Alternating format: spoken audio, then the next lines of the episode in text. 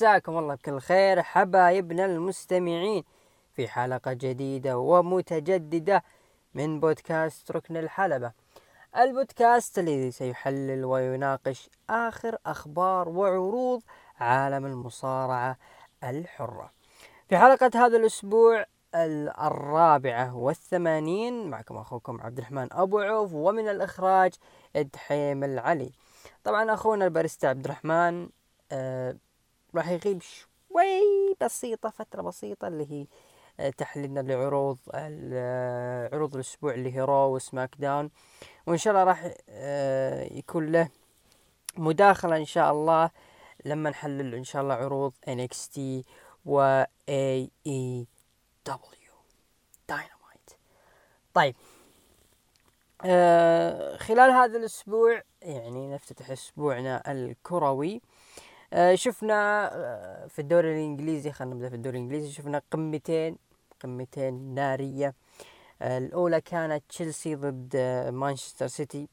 للأمانة لحد وقتنا هذا من أمتع المباريات اللي شفتها خلال هذا الموسم. صراحة الفريقين قدموا مباراة هي تكتيكية هي هجومية. للأمانة يعني أنا اللي شفت أنه هذا يهاجم تلقى الطرف الثاني يهاجم. هذا اللي يدافع الطرف الثاني يعني فيها المباراة فيها شغل بحث من المدربين الكبيرين بيب جوارديولا وتوماس توخيل. حتى أنا لو نرجع للمباراة آه كانت فرص تشيلسي إنه يعدل النتيجة ويقلب النتيجة آه ويفوز.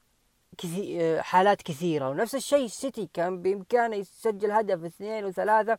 من ضمنها فرصة آه، جاك جريليش. لكن انتهت التسعين دقيقة بانتصار لمانشستر سيتي. القمة الثانية كانت ديربي شمال لندن. آه عندك كان توتنهام وأرسنال. طبعا انتهت بانتصار جميل وممتع للفريق الأرسنالي بنتيجة ثلاثة آه واحد آه بالنسبة لي هذه أفضل أو ثاني أفضل مباراة شفتها لأرسنال بحياتي. يعني أفضل مباراة افضل شوط كان آه أرسنال ضد تشيلسي عام 2016 فصرحت في في تويتر عن تلك المباراة. أيضا في الدوري الإسباني شفنا قمة آه، أو مباراة فيريال ضد ريال مدريد. طبعا تعادل صفر صفر وأهني صراحة آه، مدرب الفيريال اللي هو أوناي إيمري صراحة قفل على ريال مدريد وعلى جهة فينيسيوس. كان نجم المباراة أنا بالنسبة لي في هذيك المباراة كان فويث كان جدا ممتع الممتع اللاعب.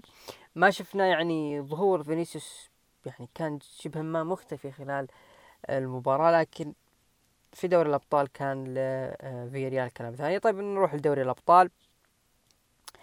آه، من أبرز اللحظات اللي شفناها شفنا أتلتيكو مدريد فاز على ميلان 2-1 آه، بعد ما انقلب النتيجة. ليفربول فاز على بورتو 5-1 آه، شفنا مفاجأة من العيار الثقيل نادي الشرف الروسي فاز على ريال مدريد في سانتياغو برنابيو بنتيجة 2 واحد. البايرن فاز 5-0 على دينامو كييف.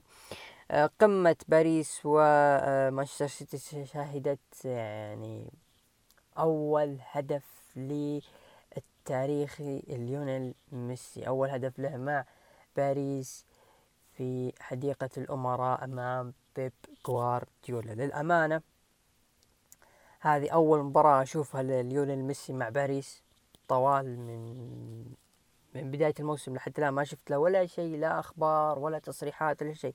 هذه أول مرة أشوف ميسي على كمباراة وقلت كان عندي انطباع إنه ميسي حقيقة راح يسجل يعني. قبل المباراة كنت راح أقول إنه ميسي راح يسجل لكن فاجأنا الحبيب أبو نواف طلع في space فأكيد لازم يكون معه. طيب خلينا في الشغل الأهم. ولا خلنا قبل الشغل الأهم نقول إنه مانشستر يونايتد فاز على فيريال اثنين واحد. كريستيانو رونالدو أصبح أكثر لاعب مشاركة في دوري الأبطال. عندك اليوفي فاز على تشيلسي واحد صفر. يعني تشيلسي خلال أسبوع هزيمتين تخل قادر قادر إنه يعدل الفريق للأمانة يعني. تخل يعني جماهير تشيلسي لا لا تغركم الهزائم هذه. الهزائم اللي شفتوها في بداية الموسم الماضي يعني كانت أدهى وأمر وبنهاية الموسم مع تخل كيف كان الحال. نروح للنادي برشلونة. نادي برشلونة للأسف للأسف جالس يحطم أرقام قياسية سلبية. على مستوى دوري أبطال أوروبا.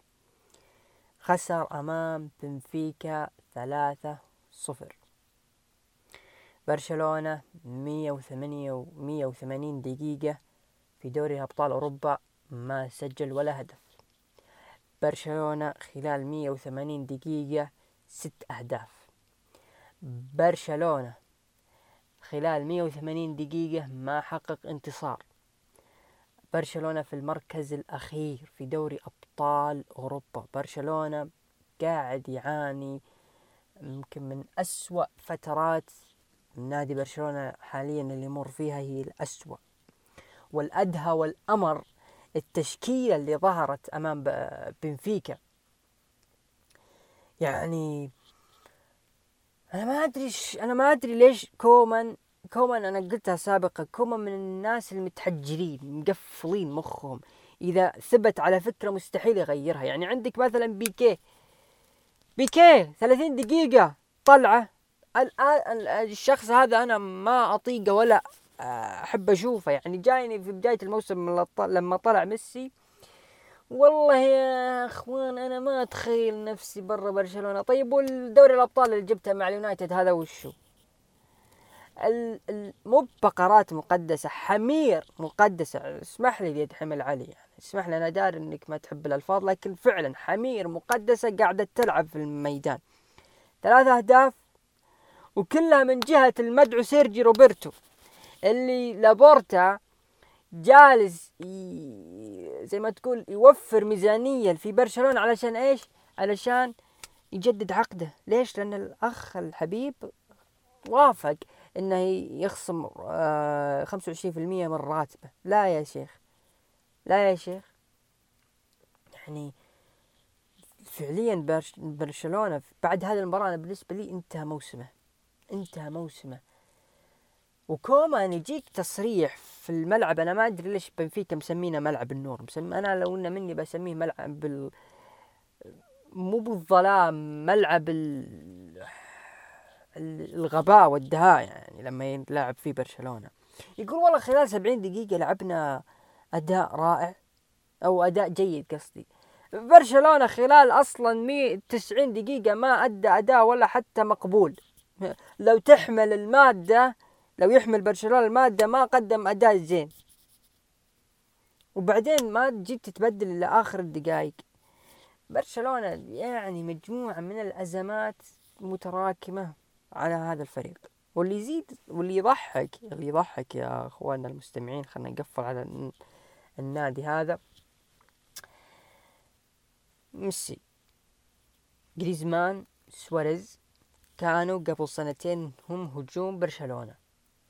بعد سنتين يسجلون مع أنديتهم في نفس اليوم واليوم الثاني برشلونة يلقم ثلاثة. برشلونة خلال مباراتين زيرو أهداف. ما أبي أطول في برشلونة لأنه برشلونة يحتاج بودكاست كامل للأمانة ما تكفي عشر دقائق من من ال عشر دقائق ما تكفي برشلونة لكن إن شاء الله يكون لي ظهور ثاني يتكلم ليش برشلونة وش الحلول اللي ممكن يقدمها برشلونة مستقبلا. طيب. نروح الآن للعالم الحبال الأربعة والزوايا الأربعة. البرو رسلينج نبدأ أولا بالأخبار. طبعا صرح آه، إريك بيشوف أنه اتحاد Impact هو خيار جيد ومناسب للمصارع برون سترومان. أه تعليقي أقول أنه اتحاد Impac Impact أنا أعتبر اتحاد مستعمرة AEW أحس إنه AEW مستعمر. اتحاد Impact Impact تحسه لعبة في إيدين AEW فطبيعي لو برون سترومان وقع مع آه Impact أحس لابد إنه يكون له ظهور في AEW لابد لابد. فليش يروح برون سترومان ل Impact خليه يروح ل AEW طيب إيش معنى؟ ليش إيش معنى يا بيشوف ما تقول إنه اتحاد AEW طيب أوكي اتحادهم الآن. جاهز وتعتبره حتى هذا الأسبوع عروضهم يعني حلوة. اتحادهم جاهز إنه قادر يقدم منتج مصارعة جميل جدا ممكن ينافس ال WW. خلال عرضين. Rampage و Dynamite كانوا رائعين للأمانة.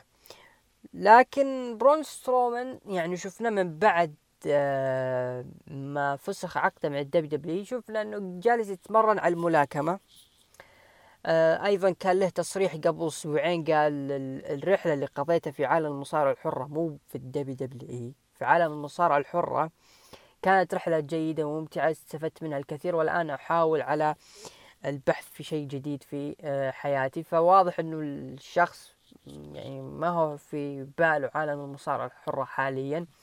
ممكن نشوفه في عالم الملاكمة في مباريات محلية ما هي كبيرة لكن ممكن إيريك بيشوف لو الآن بديت أفكر في تصريحه شوي كان في إعلان سابق على ما أعتقد تاريخ هي في شهر أكتوبر مباراة بينه وبين EC3 والله توني أتذكرها تصدقون. فأعتقد أنه فعلا بعد هذه المباراة بيتضح مستقبل برون سترومان. ممكن برون سترومان ال Impact لكن حاليا برون سترومان أعتقد أنه مبتعد شبه ما عن عالم المصارعة الحرة. الخبر الثاني يقول إنه اتحاد WWE يخطط لإقامة مهرجان SummerSlam عام 2022 في بريطانيا باستاد Principality. أعتقد هذا اسم الاستاد الذي يتسع ل 47 أو عفوا 74 ألف متفرج. طيب آه، أيضا صرح درو ماكنتاير قبل فترة إنه يحلم بإقامة آه، عرض كبير في آه، بريطانيا أو بالتحديد في المملكة المتحدة. طيب أنا بالنسبة لي أحس إنه الخبر يعني متناقض شوي مع فكر فينس مكمان. فينس مكمان الآن يمتلك منتج بريطاني اسمه NXT UK وفينس مكمان يحاول إنه يفسخ عقد اتحاد أو عرض NXT UK ويحاول يتخلص منه بأي طريقة. ليش؟ لأنه الشخص ما هو مقتنع فيه ولا هو مقتنع بالفكرة اللي ممكن يقدمها عرض NXT UK في ظل غياب Triple H فممكن إنه يستغلها فينس مكمان ويشوف إنه العرض ينتهي. طيب. هذا نقيض. النقيض الثاني ال W هو يخطط إنه له فترة ما قدم عروض كبيرة في بريطانيا. ما أدري متى آخر عرض آه، أقيم في بريطانيا.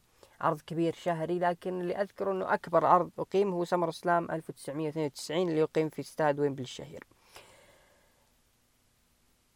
اللي في بالي حاليا لو قلنا إنه WW فعلا بتسوي عرض في بريطانيا فهو في اسمين في بالي هم يستحقون إنهم يتصدرون العرض وتكون لهم لحظة خالدة في هذاك العرض أو هذاك المهرجان. الاسم الأول اللي هو درو ماكنتاير درو ماكنتاير فعلا يستحق إنه تكون له لحظة خاصة خالدة في عروض ال WW. الرجل في عز أو في أسوأ فترات الحياة في في ال WW خاصة اللي هي فترة كورونا الرجل شال ال WW على عاتقه وطار بها في ظل ما تعاني عروض ال WW من سوء إدارة من سوء عروض لكن درو ماكنتاير لا يزال هو واجهة ال WW في ذاك العصر أو في تلك الفترة قصدي.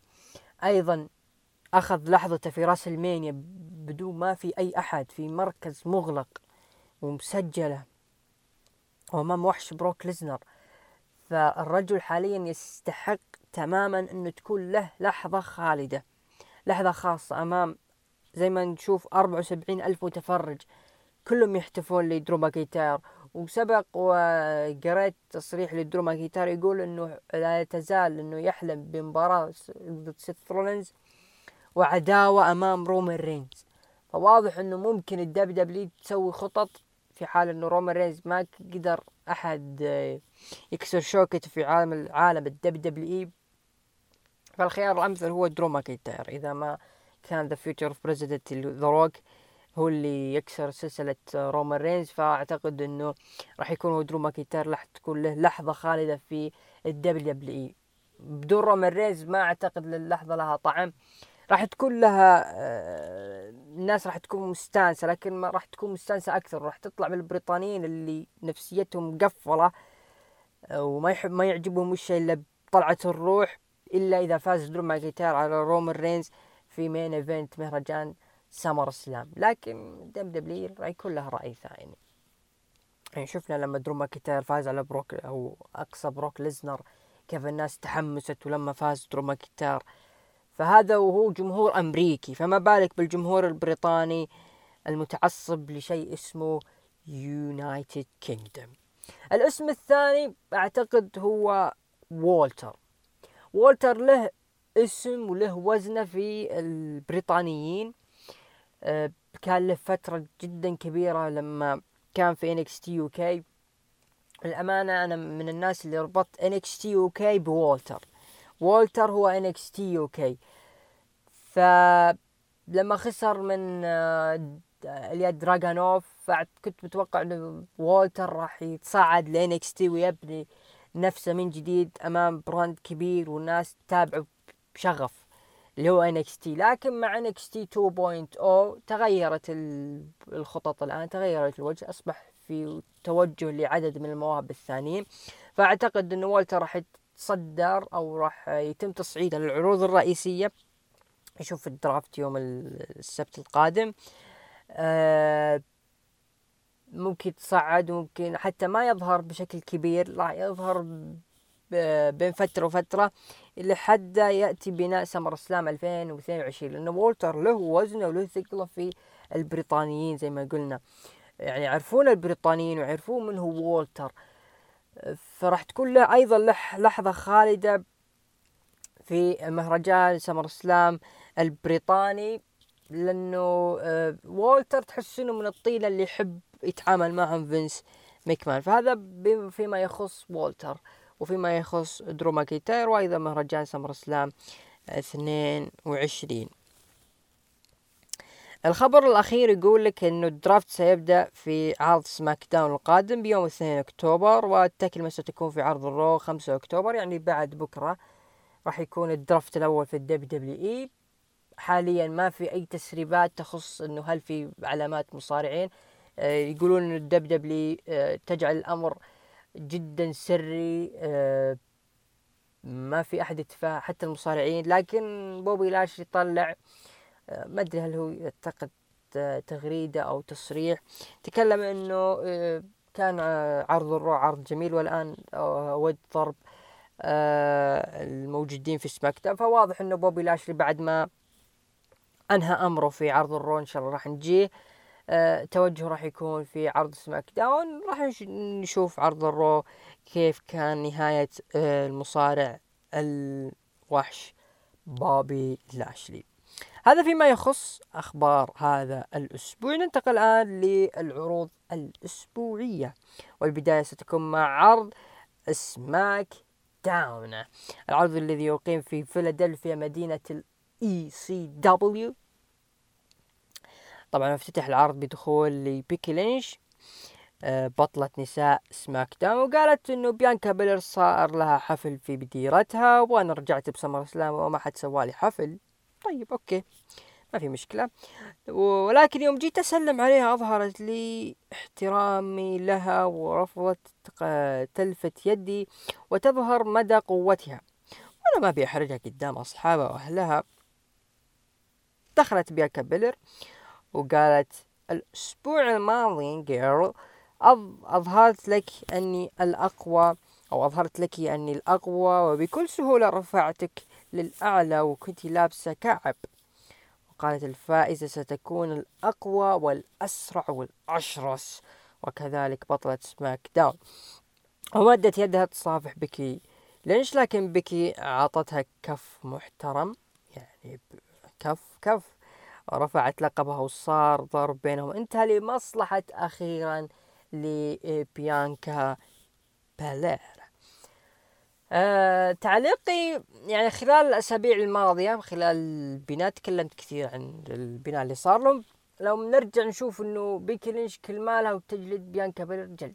كل مالها تجلد بيانكا بيلر جلد سواء على المايك أو على آه segment أيضا آه حتى في العرض اللي يقيم في مدينة بيانكا بيلر اللي هو نوكسفيل تينيسي في جماهير قامت تشجع بيانكا بيكي لينش مع انها شخصية مكروهة وخصمة مين؟ خصمة بيانكا بيلر مدينة أو آه، ال hometown حق آه، بيانكا مع ذلك بيكي لينش يعني زي ما تقول فارضة نفسها وتحاول تشد مع بيانكا بيلر آه إنهم يشيلوا العداوة صح ويقدمونها بشكل أقوى وهذا اللي صار خلال الأسابيع الماضية ما أعتقد أحد تذمر من اسلوب العداوة اللي صارت.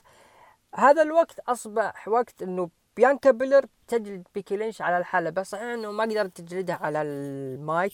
بيكي لينش كانت الأقوى بالنسبة لي. لكن بيانكا بيلر كان يشفع لها آه، إنها كانت قادرة توقف في وجه بيكي لينش بالرد وحتى فقرة توقيع العقد كانت بيانكا وتحس إنها متقمصة الدور يا أختي. وقعي الله يرجس وقعي. أخي خلاص ترى كلها وخلاص هنا.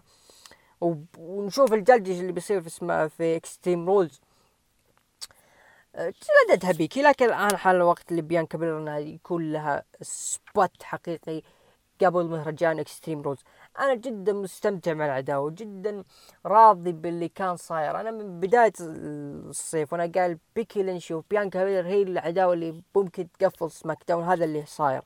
عداوة جدا جميلة جدا قوية وراح تضيف لبيانكا بيلر شيء كبير جدا سواء في الأداء على المايك. يعني خلاص ممكن تقلل من إنه أنا بطلة وكنت كذا ف راح يكون لها دور جدا كبير. وطلعت بيانكا بيلر اللي عندها فجدا عداوة ممتازة. نشوف هل هي راح تستمر آه راح يكون لها استمرار ولا ب Extreme Rules هي آه النهاية أو الفصل الختام. بعدها شفنا مباراة على لقب القارات بين البطل شينسكي كينج ناكامورا ضد أبولو كروز. انتهت بانتصار وحفاظ ناكامورا على اللقب. للأمانة مباراة حلوة يعني شفنا أبولو كروز قدر يواجه مصارع يعني ثقيل و ام سابق بحجم شينسكي ناكامورا. أبولو كروز جدا أداؤه كان حلو وللأمانة هاي أول مباراة يعجبني فيها أبولو كروز. ف أتمنى مشكلة إنه شينسكي ناكامورا الآن مرتبط بشخص اسمه ريك بوقز وريك بوقز الآن ال WWE قاعد تسلط عليه الأضواء أكثر من الشخص اللي المفروض تسلط عليه اللي هو شينسكي ناكامورا. لكن الآن خلال بعد هذه المباراة وحتى في العداوة اللي ممكن ما ندري هل تستمر ولا ال draft راح يفصل بينهم في حالة استكملت العداوة وحتى أبولو كروز راح ال Raw. آه، أو شينسكي ناكامورا. أبولو كروز راح يكون له دور جدا جميل في آه، مع المصارعين اللي يكونون في ال roster في Raw خصوصا إنه Raw وقته أطول من SmackDown. راح يكون أبولو كروز له بصمة. عكس شينسكي ناكامورا اللي للأسف أنا يعني لي سنة وأنا أقول إنه شينسكي ناكامورا كنت أقول سابقا يعني ماني متحمس للأمانة إلا إذا طلع منه شيء رهيب. لكن شكوى على الله.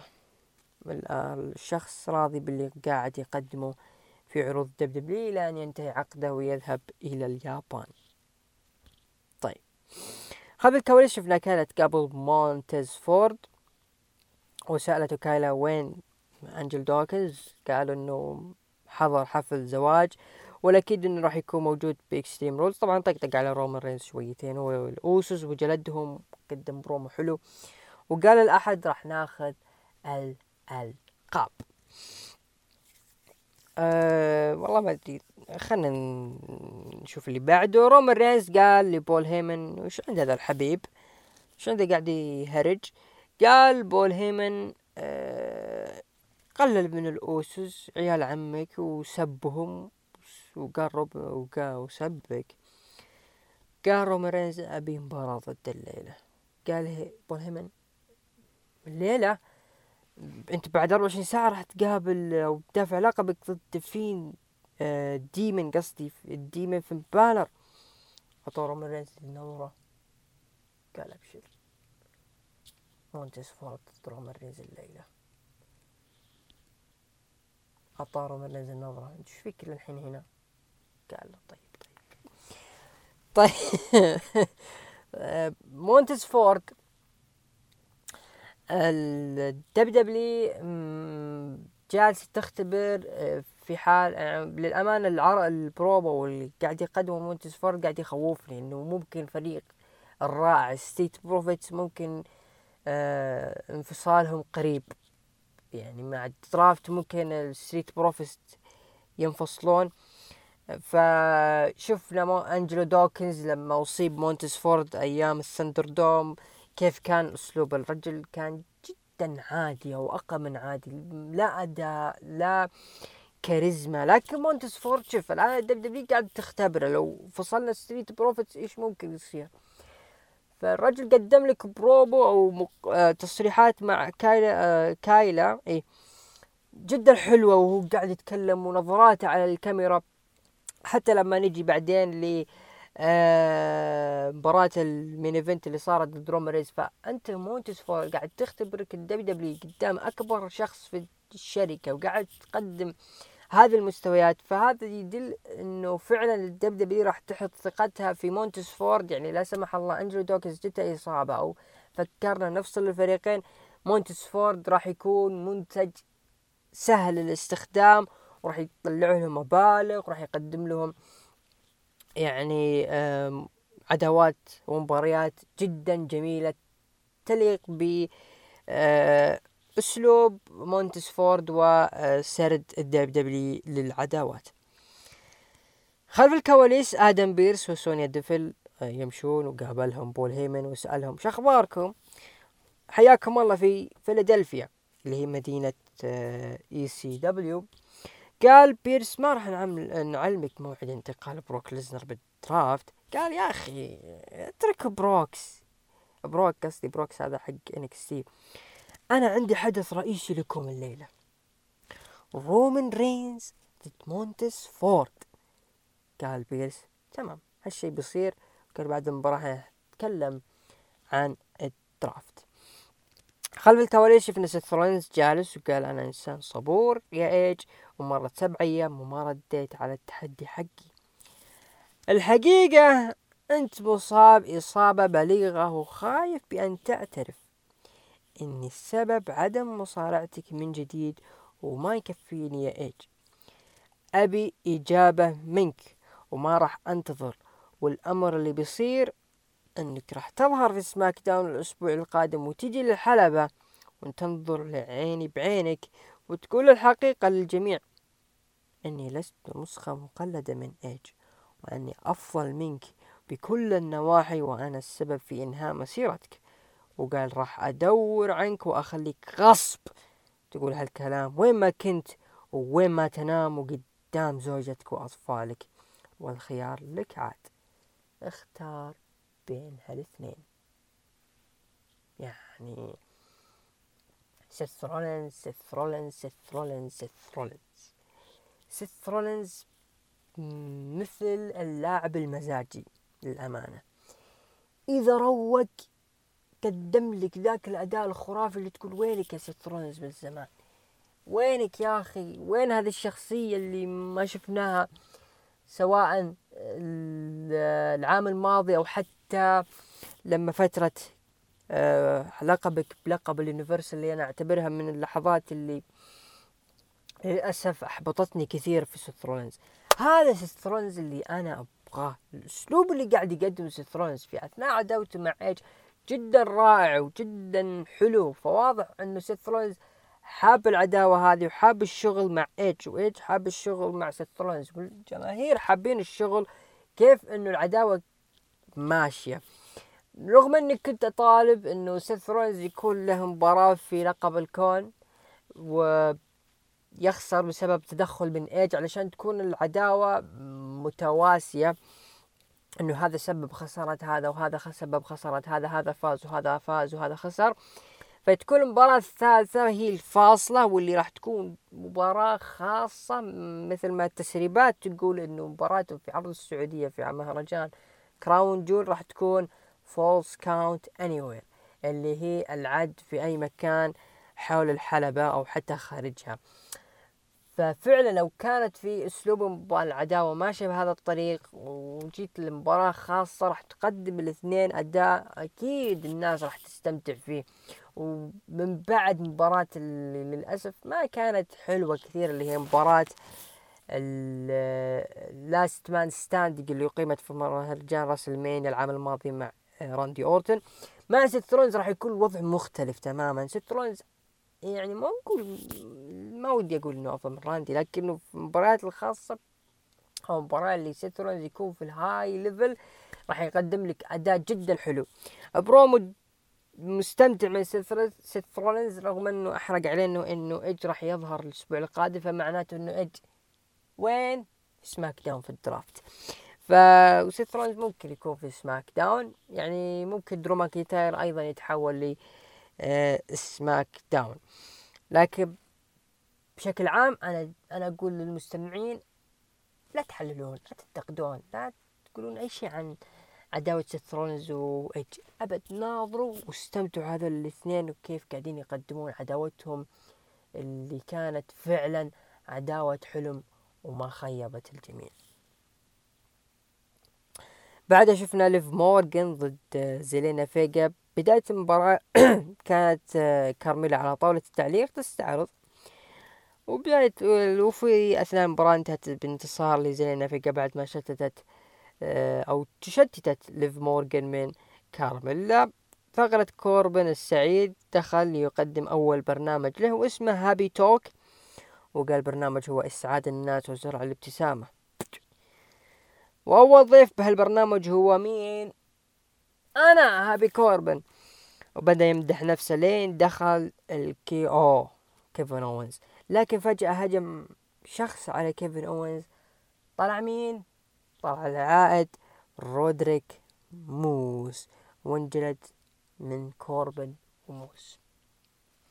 طبعا ريديك موس كان مصاب وغاب فترة طويلة جدا من وها هو يعود من جديد على حلبات ال WWE طبعا كنت ما كان في كان له شبه بينه وبين توني نيس أذكر.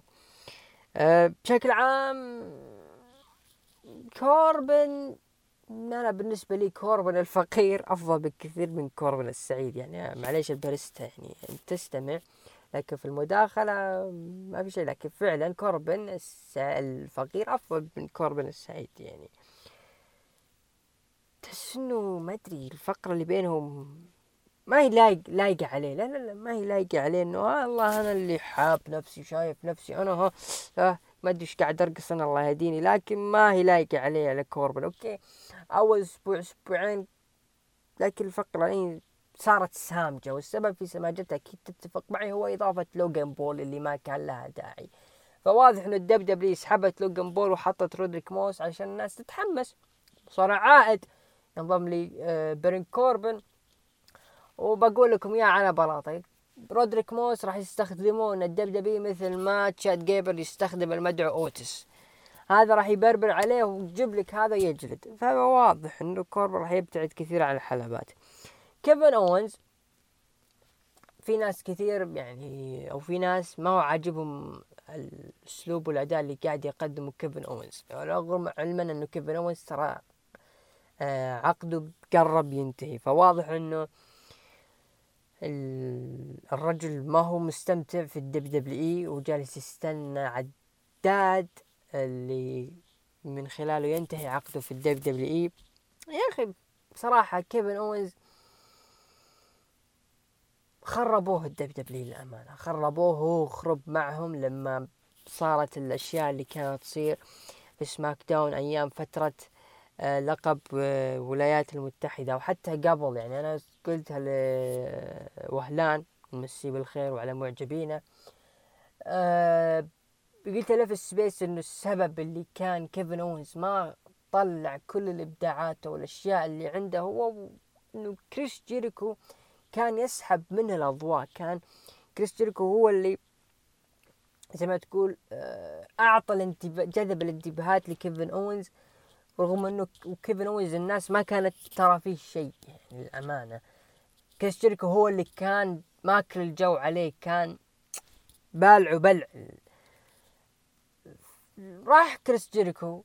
كيفن اونز أوكي قدم شغل حلو فترة ال United States ربما إنه كان لنا وجهة نظر إثناء تبديل الألقاب لكن هجومه على فينس مكمان هذا شيء كبير في مسيرة كيفن اونز وللأسف للأسف لا ال WWE استفادت من هذه العداوة ولا كيفن اونز طور نفسه من هذه العداوة. يعني هجومك على أكبر راس في ال WWE وبالنهاية تخسر لواحد يعني عائد من المصارع اللي أعتقد كان وقتها سنتين اللي هو براين دانيال براين اللي هو براين دانيلسون في AEW حاليا.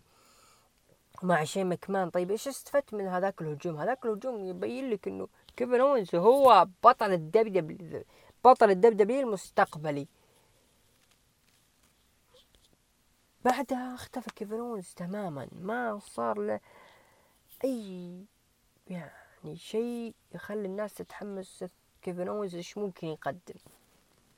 اختفى تماما. فواضح إنه كيفن اونز هذه الفقرة كوربس بعيد بعد ما ينتهي عقده. واضح إنه ممكن يمشي. ما أعتقد راح تكون له مسيرة كبيرة ثانية كيفن اونز كايلا مرة ثانية قابلت مونتيز فورد وقالت هل أنت نادم على اللي قلته بعد ما راح تخوض مباراة ضد رومان رينز؟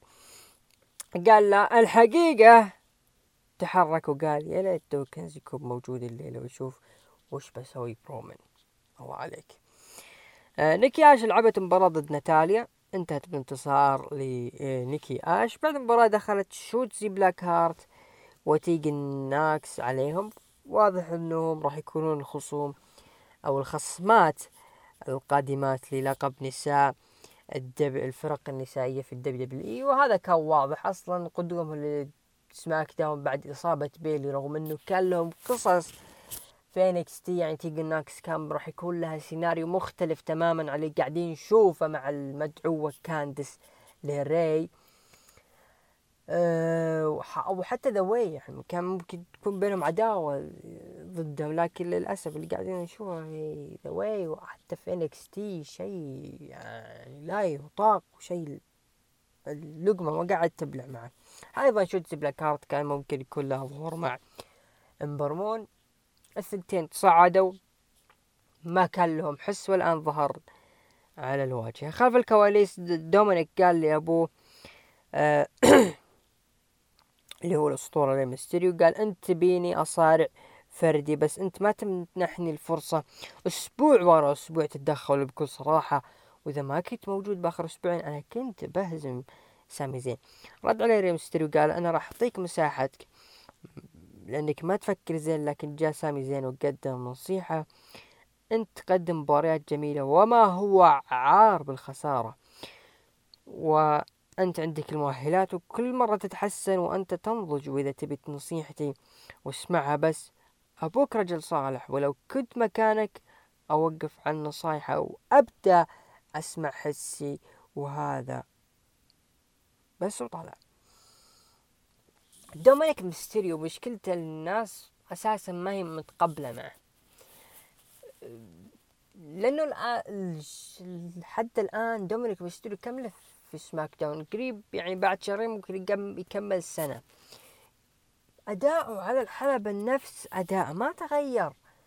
لا ينط زين في بطء في حركاته. دخلوا مع سامي زين لعل وعسى يتحسن في أداء لكن للأسف الولد نفس ما هو يعني. لكنه في طور التطوير يعني. وأبوه ريمستيريو يعني المفروض ريمستيريو ينتبه لهذا الشيء يعني. أوكي أنت راح تحوله heel طيب شو الفائدة من واحد heel مو قاعد يقدم لك أداء على الحلبة؟ أو حتى ممكن هو على المايك برضو مو قاعد يقدم قاعد شخصيته كمكروه heel هي لايقة عليه؟ ممكن نشوف منه أشياء ثانية ليش لا؟ لكن لابد تعدل نفسك شوية دومينيك على الحلبة. لازم لازم. ولا ترى بتضيع. أو حتى ممكن ظهورك ذا ما يكون تعبئة أوقات ل SmackDown أو حتى في Raw. يعني Raw راح يستخدمونك كثير في تعبئة الوقت. أو عندهم ثلاث ساعات. ما يعرفون إيش يسوون في خلال نص ساعة. نايومي يا شكرا هي البنت. هي ويا كارميلا دخلت الحلبة تبي مباراة. لكن سونيا ديفل دخلت وطلبت رجال الأمن يطردونها من الحلبة. أحسن. خلف الكواليس رومان والأوسوس بيدخلون الحلبة لكن شفنا نظرات. من تشاد جيبل والمدعو المخيس أوتيس يعطون نظرات لألقاب فرق SmackDown. لا لا لا تشاد جيبل وأوتيس. طيب. بعدها شفنا بيكي توعدت بيانكا بيلر في عرض Extreme Rules آه شفنا مباراة في الحدث الرئيسي مباراة بين مونتس فورد ضد رومان رينز مباراة جميلة جدا. وأداء خرافي رائع من مونتس فورد قدام رومان رينز. انتهت بانتصار لبطل الكون رومان رينز وقال بول هيمن هذا ما يكفي يا زعيم.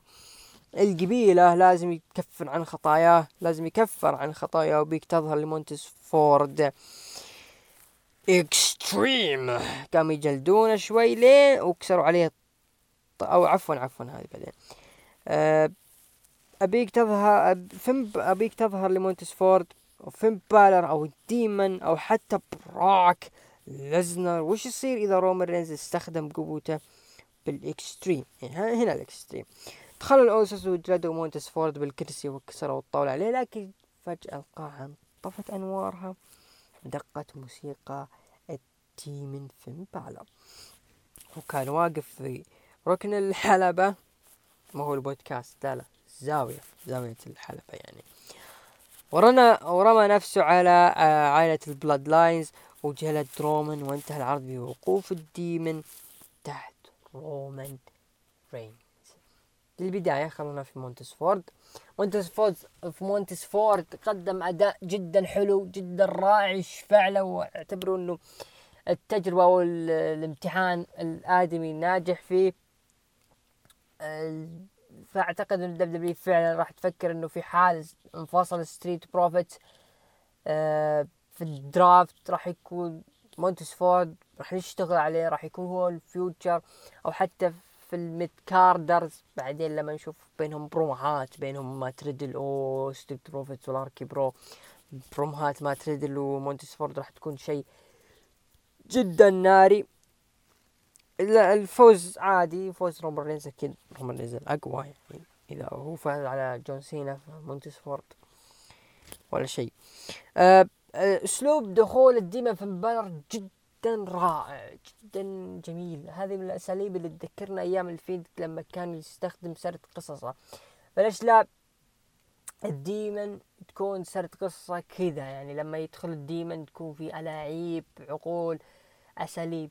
ممكن تكون جاذبة للاهتمام له خصوصا إنه ديمن ديمن في مبالغة. أكيد إنه ما في ديمن ممكن يطلع منه شيء ما تتقبله إلا لما دخل العروض الرئيسية بس. شفنا سقطات ولقطات من الديمن في المباراة لكن بشكل عام الديمن راح تستمتع فيه بغض النظر. وختامية جيدة go home Extreme Rules مباراة طبعا أعلنوا إنه مباراة مباراتهم Extreme Rules ضد أو, أو عفوا مباراتهم في مهرجان Extreme Rules راح تكون بقانون Extreme Rules أخيرا أخيرا مباراة Extreme Rules طيب نروح لتقييم المستمعين في هاشتاج ملك حلبة أربعة وثمانين. طبعا من تسعة لعشرة أعطوه أحد عشر في المية من خمسة إلى ثمانية أعطوه اثنين وسبعين في المية. أقل من خمسة أعطوه سبعة عشر في المية أنا أقول أعطيه ستة في المية. نروح الآن لمهرجان Extreme Rules الذي يقيم في كولومبوس كارلوس بولاية أوهايو مدينة أليكسا بليس طبعا في ال kickoff شفنا مباراة ليف مورجن آه مورجن ضد كارميلا انتهت بانتصار لليف مورجن ننتقل الآن للعرض الرئيسي. في العرض الرئيسي شفنا افتتاح مباراة غريبة للأمانة ما غريبة جدا المباراة. كيف مدري كيف حبكوها ال WWE. مباراة ثلاثية بين فريق ال New Day ضد ايه جي ستايلز وأوموس وبوبي لاشلي. مباراة تقريبا استمرت عشرين دقيقة. انتهت بانتصار لل New Day. بوبي لاشلي AJ Styles واوماس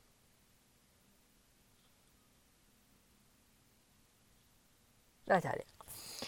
مباراة فرق آه مباراة على لقب فرق SmackDown بين ال Street Profits ضد ال Usos. انتهت بانتصار لل Usos وحفاظهم على ألقابهم. للأمانة المباراة أنا أحس أن المباريات اللي شفناها في العروض الرئيسية كانت أفضل شوي من المباريات اللي شفناها في Extreme Rules للأمانة كنت متوقع المباراة راح تكون أفضل وأحسن شوي من المباراة اللي ظهرت. حتى كنت متوقع أنها هي مباراة العرض آه، لكن فازوا ال Usos. واضح إنه هي نهاية قصة ال Usos وال Street Profits. ال Street Profits راح يروحون ل Raw. توقعات لا أكثر ولا أقل. وال Usos ممكن يبقون في SmackDown إلا لو صار في العكس. آه لكن مباراة حلوة يعني. يعني رغم إنه توقعت إنه راح لازم يكون أفضل لأنه المباراة والبناء اللي شفناهم واضح إنه ال WWE كانت محافظة عليهم لما كانت تنتهي بال DQ أو آه، إي لما كانت تنتهي بال DQ سواء تدخل أو شيء زي كذا. فكانت واضح إن ال WWE قاعد تحافظ على ال Street Profits وال Usos عشان يقدمون مباراة جميلة ومباراة رائعة لكن المباراة كانت أقل من المستوى اللي ظهرت بالنسبة لي. آه بعدها شفنا برومو لبوبي لاشلي يعلن تحدي ضد آه بطل ال WWE ووصفه بالأحمق لأنه لما فاز لما فاز بلقب آه، أو حافظ على لقبه ضد راندي أورتن و... أو كيف فاز بوبي لاشلي أو بيج إي باللقب WWE استغل إصابة بوبي لاشلي بعد ما فاز على راندي أورتن أه ووصفه بالاحمق وتحدى في مباراة على لقب ال WWE.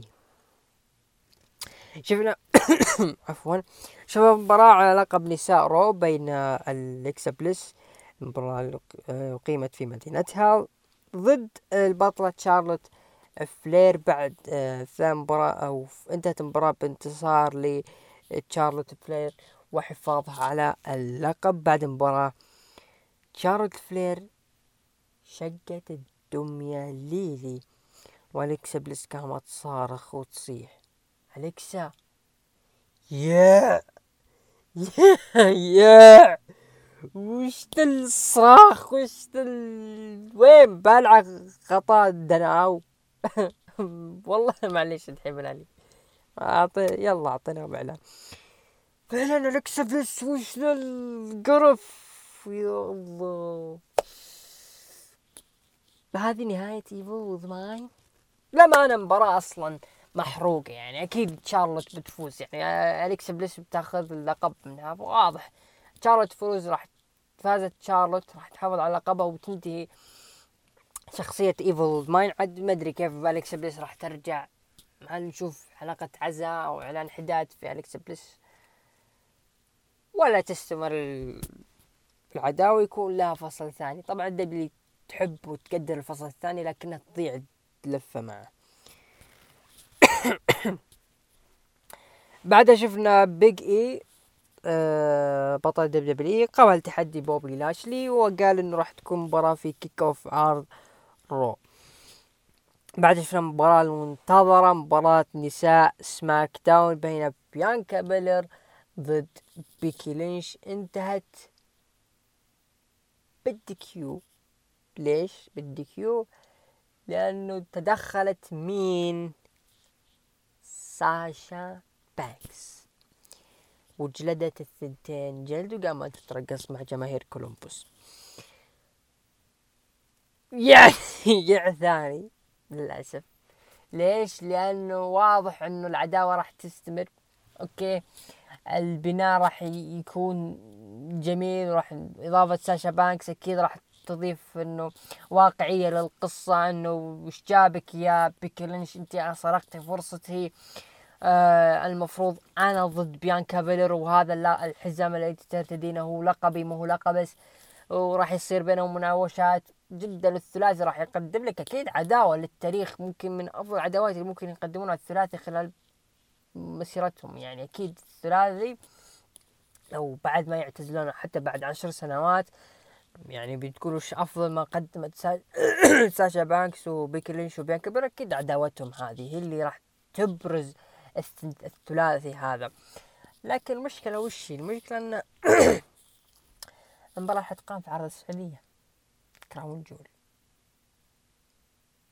بيكي لينش أو بيكي لينش أكيد يعني ضامنينها يعني. ساتر البنت. لكن بيانكا ساشا.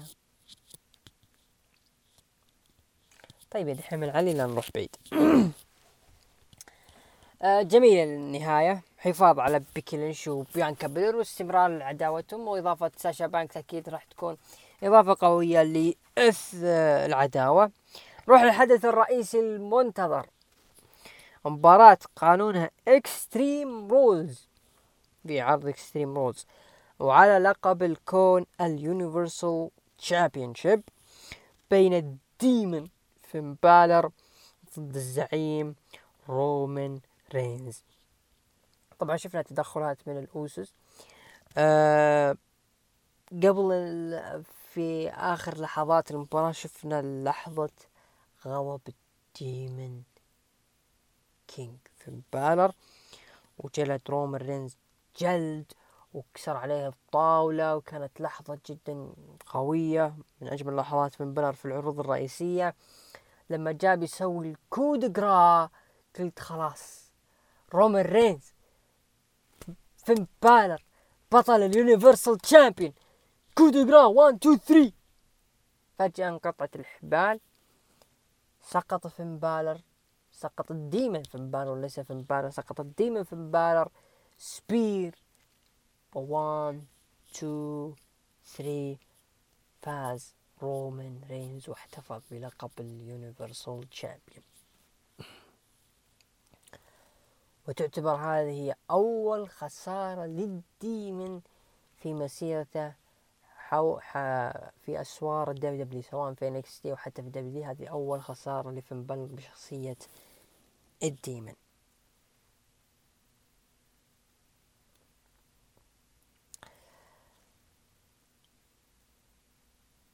للأمانة ما أدري شو أقول يعني اللحظة اللي يعني سرقت الأضواء اللي لحظة غضب ال Fiend أنا أعتبرها أني قلبت عراقي طيب تحية للعراقيين.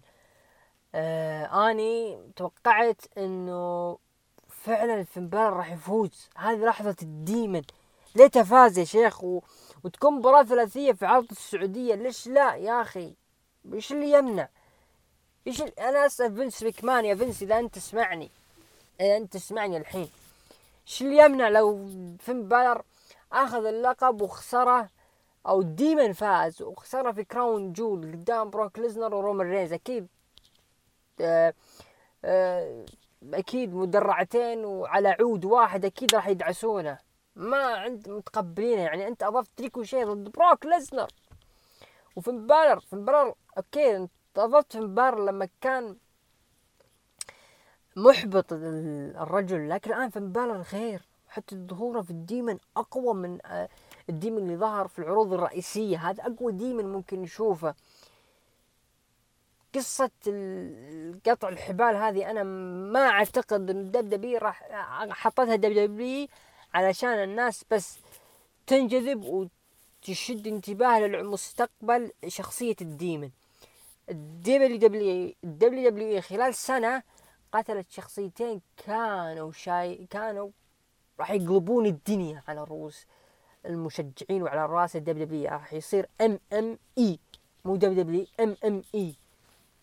اللي هم ال Fiend لما كسروا شوكته في WrestleMania كان يستحق يفوز بسبب الكسا بليس. غاب ال Fiend الكسا بليس ضاعت طيب الآن ال Demon خسر.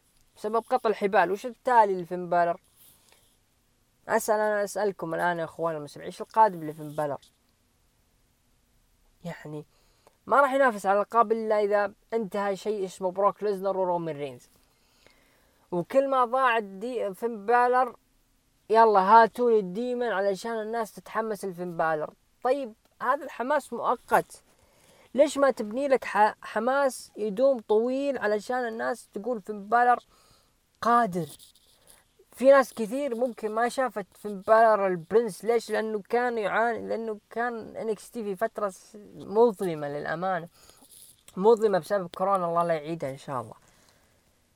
لكن شفنا اللي قدمه فين بالر وجوني جارجانو في NXT اثنين بنوا NXT على عاتقهم ونجحت العداوة. ليش ما تسوونها مع رومان رينز واحد واجهة لل WWE غاب وعاد للقمة مرة ثانية وأفضل من قبل. شخص عاد ل NXT وقدم مسيرة ذكرت الناس بما فعله قبل وعادت الثقة له. ليش ما تكون القصة كذا؟ ليش؟ ليش ما تكون القصة كذا؟ ليش؟ فين بالر الطيب لما أخذ حقه غضب الفي ال Fiend ال Demon ويلا خسر. لذلك أنا أرجع وأقول اللي اللي قادر يعيد فين بالر من جديد للواجهة هو جون سينا. ليش؟ لأنه أنت يا الحبيب أنا تخيل البروموهات اللي بينهم. فين بالر أنت ليش أخذت فرصتي في SummerSlam؟ SummerSlam أنا أفوز. آه يجيك جون سينا. أنت يا أخي كذا ولا كذا راح تخسر لرومان لرومان رين سواء بال Demon ولا بالعادي. أكيد هذه تصور العداوة مني أنا فكيف لو الاثنين قدموها على أرض الواقع؟ اجرام مو طبيعي راح يقدمونها الاثنين لكن حاليا فين بالر وال Demon انكسر شوكتهم ف الله يستر على فين بالر راح يرجع للدائرة من قبل اللي كانت قبل. هذا بما يخص عرض آه، ومهرجان اكستريم رولز آه، نروح لتقييم آه، المستمعين. طبعا قيموا من تسعة لعشرة بواحد وعشرين في المية من خمسة إلى ثمانية أعطوه خمسة وستين في المية أقل من خمسة أعطوه ثلاثة وعشرين في المية. تقييمي له أعطيه ستة من عشرة. لكن يعني قبل ما نختم اكستريم رولز ترى مباراة ال Demon ورومان ريز ترى كانت حلوة. يعني عشان نعطي رومان ريز ونعطي فنبا نعطي المباراة حقها المباراة ترى حلوة للأمانة.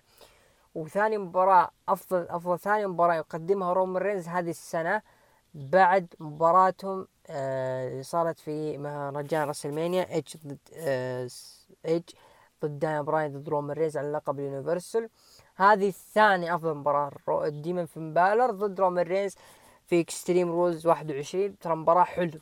للأمانة حلوة مباراة أنا إذا انتقدت انتقدت بس على نتيجتها وكيف سارت المباراة وكيف إنه دبليو دبليو حاولت تجذب الناس لفين بالر بس لكن كمباراة مباراة جدا حلوة وعندي استعداد أشوفها مرة ثانية بس ما أشوف النهاية. طيب نشوف توقعات الشباب آه في الهاشتاج. طبعا نبدأ أولا في ال main event آه آه لقب الكون آه اللي صوتوا لبالر اثنين وثلاثين في المية واللي صوتوا لرومان رينز ثمانية وستين في المية والصحيح فاز رومان رينز محتفظ باللقب. آه ليف مورجان ضد كارميلا. ليف مورجان حصلت على تسعة وسبعين في المية كارميلا واحد وعشرين في المية وهذا الصحيح فازت ليف مورجان أوه معليش نسيت هذه نسيتها نسيتها نسيتها. آسف آسف آسف آسف. هذه عاد مباراة. حالة خاصة في عرض اكستريم رولز أعتذر إني نسيتها والله. اللي هي مباراة لقب الولايات المتحدة بين جيف هاردي مباراة ثلاثية جيف هاردي ضد شيمس ضد داميان بريست. طبعا انتهت بانتصار لداميان بريست. لكن يا داميان بريست إيش البوتشات هذه؟ إيش البوتشات هذه اللي ما يقبلها الكور فينس مكمان ما يقبل البوتشات من مصارع. الناس يعني قالت إنه أنا بالنسبة لي كنت أقول دامين بريست هو بوكر تي العصر الحالي. أنا كنت أقول أنا كنت أقول في نفسي دامين بريست هو بوكر تي. في ملامح من بوكر تي في من أسلوب بوكر تي. يستخدم الرجول والسيقان والحركات اللي يعني زي ال chokeslam كان يسوي آه، بوكر تي الركبارة. آه، وهذا كان يسوي حركات كودي رودز ذي اللي تنقلب. فواضح إنه في عوامل متشابهة بين الاثنين. لكن وش هذه البوتشات؟ تزلق في الحلبة. معقول؟ وشيمس واقف يستناك. okay صارت botch ثاني في سماك داون لما انكسرت على مونتيز فورد. بس هذا يعني مصارع لا زال في البداية ما هو يعني عارف اللي كيف يتعامل مع الجمهور لكن هذا بطل ال United States ويلعب قدام آه، مثله الأعلى في المصارعة. ويقدم هذا الأداء. غباء صراحة غباء من ديمين بريست الله تكفى لا تعيدها انتبه على نفسك انتبه على نفسك. آه هذا بما يخص المباراة. طبعا بما يخص التصويت طبعا جيف هاردي اخذ ثلاثين في المية شيمس أخذ اثنين وعشرين في المية ديمين بريست أخذ ثمانية وأربعين في المية وهذا اللي حصل. ديمين بريست فاز. آه مباراة لقب نساء عرض رو آه أليكس بليس أخذت خمسة وخمسين في المية تشارلوت أخذت خمسة وأربعين في المية لكن حدث العكس تشارلوت هي اللي فازت في العرض. لقب نساء سماك داون بيانكا بلير ضد بيكي لينش بيانكا بلير أخذت سبعة وعشرين في المية بيكي لينش أخذت ثلاثة وسبعين في المية والنتيجة ما حد فاز. آه اللقب فرق سماك داون الستريت بروفتس أخذوا ثلاثة وثلاثين في المية والأوسوس أخذوا سبعة وستين في المية والصحيح فازوا الأوسوس واحتفظوا بألقابهم. هذا فيما يخص مهرجان اكستريم رولز ننتقل الآن للعرض الأحمر عرض الرو الذي يقيم في سنسناتي أوهايو مدينة دين أمبروز. نقول دين أمبروز بما أنه قاعدين نحل دبليو دبليو إذا رحنا للعالم الموازي نقول اسمه حاليا. دين أمبروز. طبعا آه خلينا نقول اسمه طيب يلا ما في مشكلة عشان لا يزعلون العالم الموازي اللي هو جون موكسلي. آه افتتح العرض بمباراة لقب الدبليو دبليو إي بين بيغ إي حامل اللقب ضد خصمه بوبي لاشلي اثناء المباراة شفنا وجود شيلتون بنجمن وسيدريك الكسندر ولا لاشلي السابقين في عصابة ال Hurt Business. لكن فجأة دخلوا ال New Day وهاجموا سيدريك وبنجمن لكن حكم أوقف المباراة وال New Day مسيطرين على الوضع. لكن دخل آدم بيرس وقال لا لا هالشي ما يصير هنا ومستحيل ينتهي. كذا وخصوصا إنه بديرة سنسناتي. ما أدري هل هي مدينة آدم بيرس ولا لا لكن أعتقد إنه مدينة المباراة راح تعاد الليلة راح تقام على قفص حديدي اللي هو steel cage وعلى لقب ال WWE بين بيج إي وبوبي لاشلي. آه، ال New Day دائما لما يدخلون في عداوات مع فرق أو حتى عصابات دائما يقدمون أداء جميل. بعد خسارة بوبي لاشلي لل MVP آه واضح إنه ال WWE حاولت تعيد آه ال Hurt Business رغم إنه بوبي لاشلي جلدهم في عرض ال Raw وأهانهم وجلدهم جلد وأعتقد آه أخضعهم أيضا.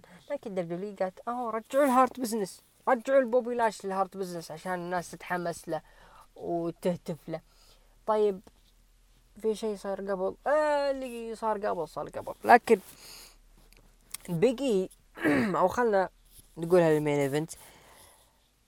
آه بوبي لاشلي هو اللي عجبني إنه في صورة اللقب صورة اللقب ويحاولون يمحون اللي صار في Extreme Rules الخسارة اللي صارت.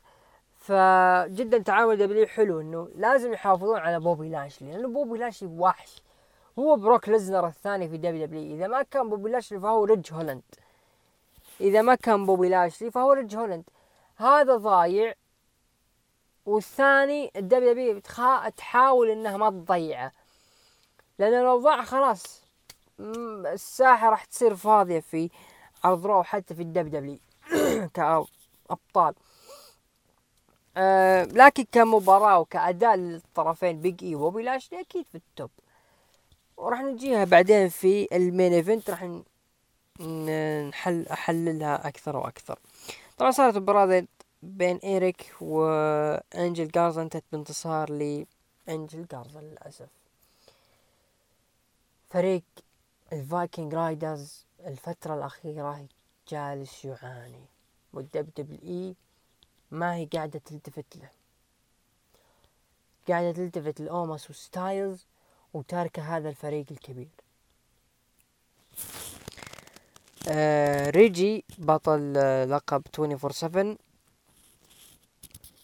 7 صارت مباراة. طبعا خصمه طلع مين؟ العائد ريكوشي. عاد ريكوشي. يعني سبحان الله ريكوشي كان منافس على لقب ال WWE وبطل حقيبة ساعة أو منافس الحقيبة وبطل United States سابق ينافس على اللقب مثل 24 7 سوى المنقلب. لكن الحكم أوقف المباراة بعد تدخل آر تروث ودرو غولاك وأكيرا توزاوا. خلف الكواليس شفنا مات ريدل قال أنا الأسبوع هذا لحالي لأن راندي يبي يريح.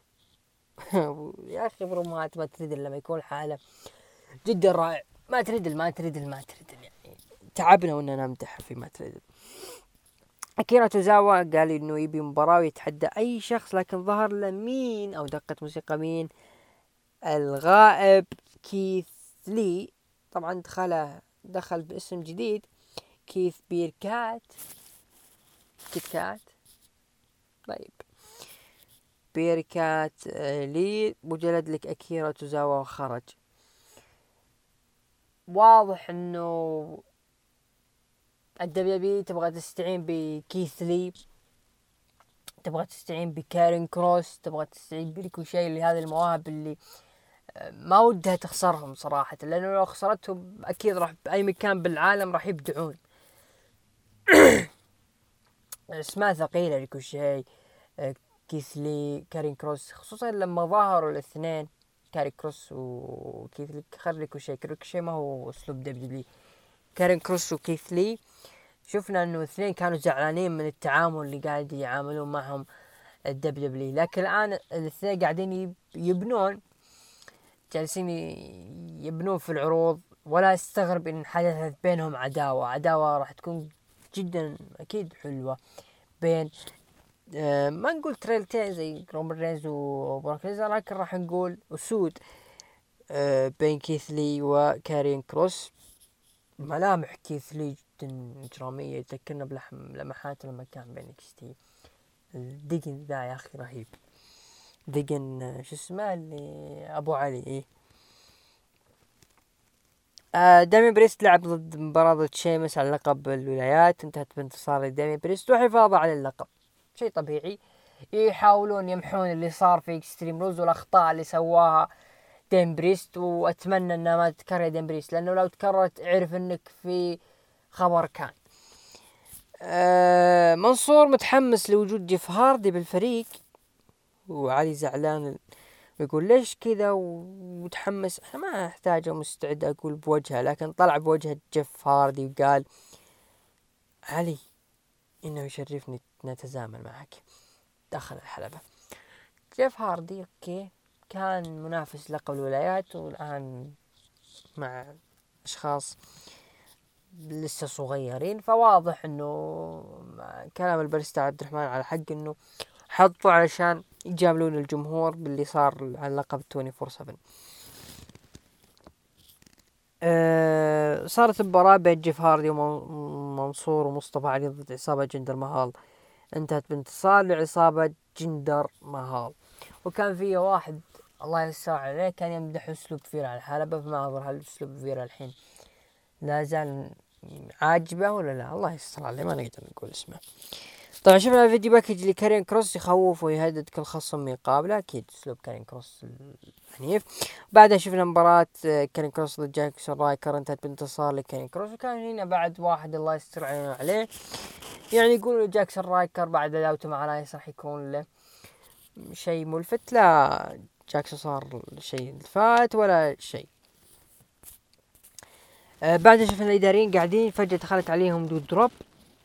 قالت إنها تبي فرصة على لقب نساء ضد شارلوت. وعطوها. شفنا مباراة بين مات ريدل ضد إي جي ستايلز المرة المليون والتكرار. طيب. انتهت بانتصار لإي جي ستايلز لكن أوماس هجم على مات ريدل بعد المباراة وجلده. okay. مباراة فيها تكرار فيها حل فيها يعني زي ما تقول خلاص طفشنا من اللي قاعد يصير. اي جي ستايلز راندي اورتون اي جي ستايلز ضد مات ريدل. انكسرت كرارة مباراة tag team انكسرت اوماس ضد الاثنين. أنا ما أدري إلى متى ستايلز مع اوماس إلى متى يا دبليو إلى متى؟ ستايلز okay ستايلز ناوي يريح. ما وده يدخل في الشغل الكبار لأنه عارف إنه الآن الدبليو تبغى تتوجه تبغى تغير شوي في عروضه وهذا ممكن نقطة تحسب لاي جي ستايلز. لكن بغض النظر أنت اي جي ستايلز الفنان وان هذه السيناريوهات ما تصلح لك وهذا العير ذا اللي طول المأذنة اللي قدامي ما هو بمستواك ابدا يا اي جي ستايلز لكن رغم إنها مكررة لكن تستمتع لما تشوف مات ريدل واي جي ستايلز. تستمتع. مباراتهم هذه حلوة. أنا أعتبرها ثالث مباراة عداوتهم شيء بريزر قاعد تخبص على 400 سألتها المذيعة ليش هجمتي على نايا وتسببتي بإصابتها طبعا ما ردتوا معها ورق البلوت. تخبص. عندي ورق بلوت هنا لا. طيب. آه شفنا مباراة على لقب نساء رو تشارلوت فلير ضد دروب. أثناء المباراة تدخل آه صار في تدخل من إيفا ماري وتشارلوت ثبت آه ضد دروب. 1 2 3 وحافظ على لقبها. بعد المباراة ساشا أو تشارلوت جلدت إيفا ماري. عفوا عفوا تشارلوت تشارلوت إيه. آه هذه نتركها التعليق لعبد الرحمن. مقابلة مع جولدبرغ تكلم عن اللي صار آه مع ابنه من بوبي لاشلي. آه آه هدده وإنه راح يسبب لك نفس الشيء. وممكن أقتلك راح تكون ضحيتي القادمة. جولدبرغ ضد بوبي لاشلي من جديد في عروض السعودية. جولدبرغ يقدر شيء اسمه عروض السعودية فواضح إنه ما بعد بوبي لاشلي أول خصم لبوبي لاشلي بعد ألقاب الدبليو هو جولدبرغ راح يخلص على شيء اسمه جولدبرغ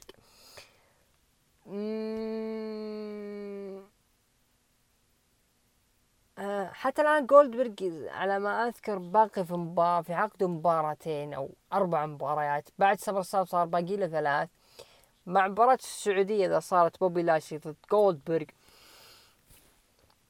آه، أعتقد إنه بوبي لاشلي راح يعدم شيء اسمه جولدبرغ يعني. آه، شفنا جولدبرغ كان أو معروف جولدبرغ إنه يخلص على خصومه خلال دقيقة أو دقيقتين انكثرت فواضح إنه بوبي لاشلي راح يسوي نفس الأسلوب إنه راح يخلص على جولدبرغ خلال 26 ثانية وحتى لا مو 26 ثانية هذه بيكي خلال 86 ثانية ضد بروك ليزنر. آه آه راح يسوي نفس الشيء بوبي لاشلي وخلاص تنتهي العداوة لأنه إذا طول بوبي لاشلي مع جولدبرغ راح يكون في ضياع في ضياع في ضياع.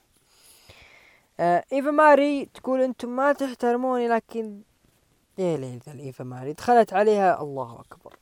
الله أكبر يا الإكة الإكة شينا بيزلر وجلدت إيفا ماري جلد نفس جلد نايا جاكس.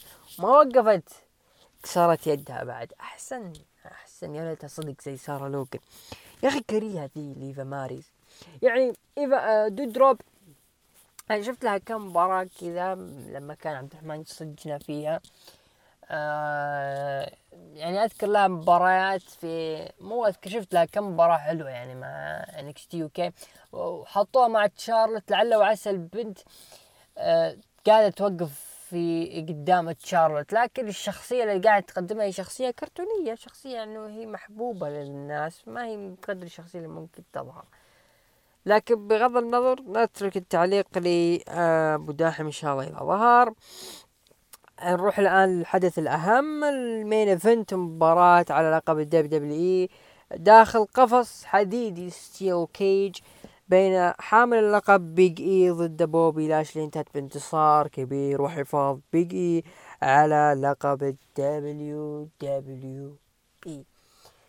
بيج اي يا ناس. بيج اي بيج اي بيج اي الآن يبرهن بيج إي ليش هو حاليا بطل ال WWE؟ وليش الناس كانت تطالب بيج إي يحقق لقب WWE كانت كثير من الأشخاص كانوا يسوون سيناريوهات كيف بيج إي يحقق لقب WWE كيف تستمر؟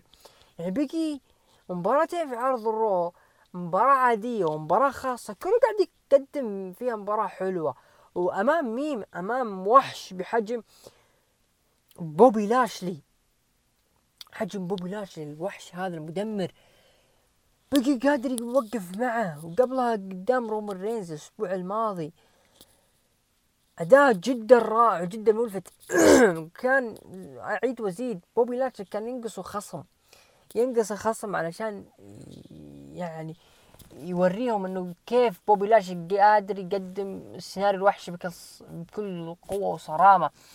رغم إنه هو وحش واللي قدمه أوكي كان يشفع له لكن مع وجود بيج اي وخسارته للقب لكن واضح إن نهاية بوبي لاشلي مع ال WWE ونهاية عداوته مع بيج اي عشان ما تطيح العداوة لكن بيج اي محبوب أو مكروه الرجل ناجح نجاحه في الجيب.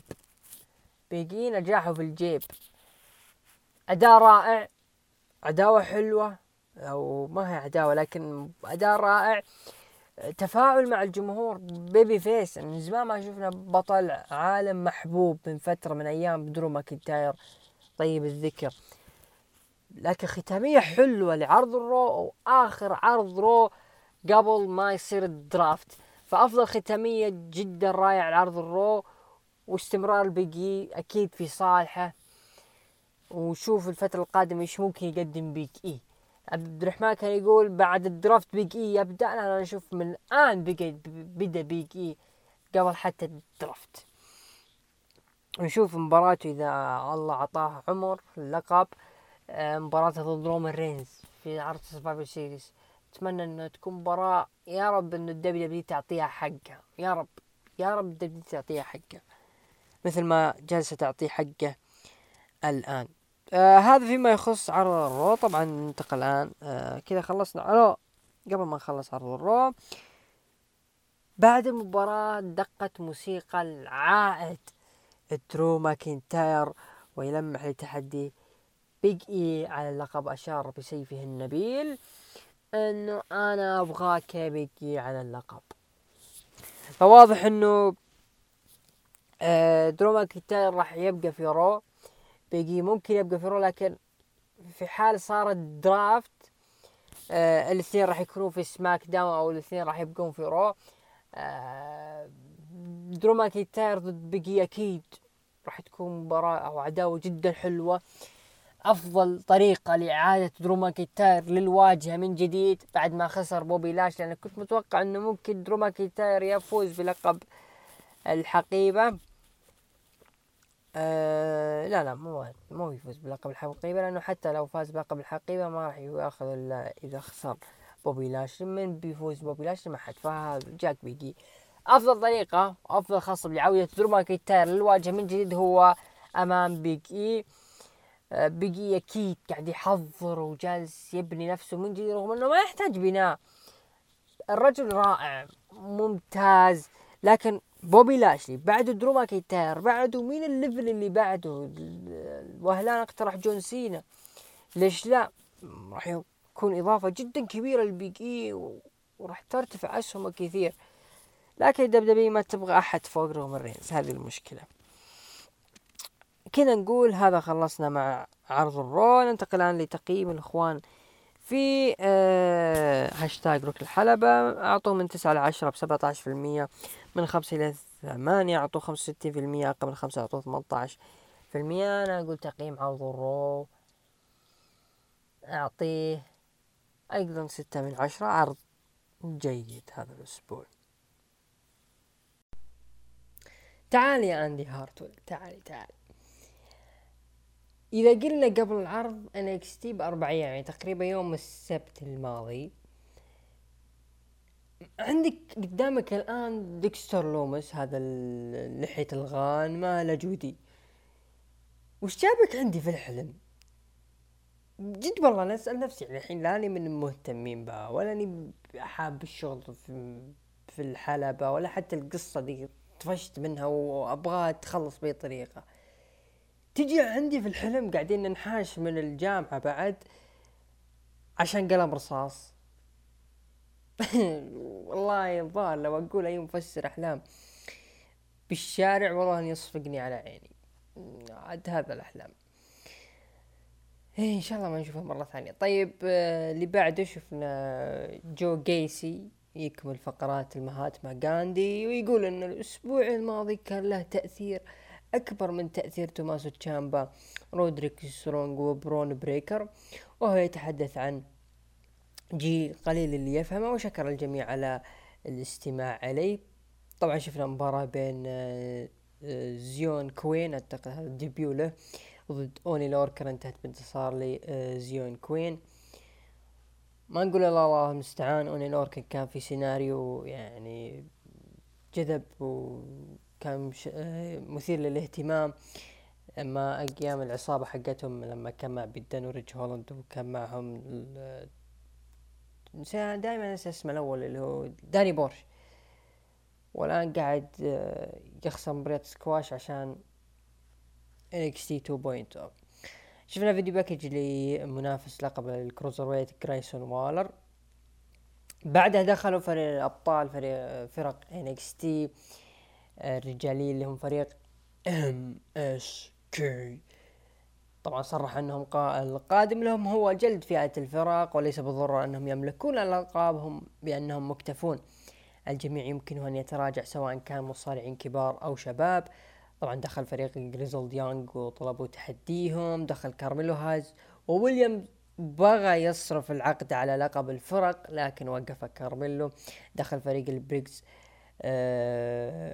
وبروك جينسون وصار مجلد بينهم انتهى لمصلحة آه ام اس كي وبريكس جينسون آه تجديد فئة الفرق يعني آه، في انكس تي صراحة الفرق اللي هم حاطينها جريزل يونغ وبريكس وجينسن صراحة متوقع انهم قادرين يقدمون شيء مع ال MSK يعني يمسكون معهم خط إلى نهاية السنة.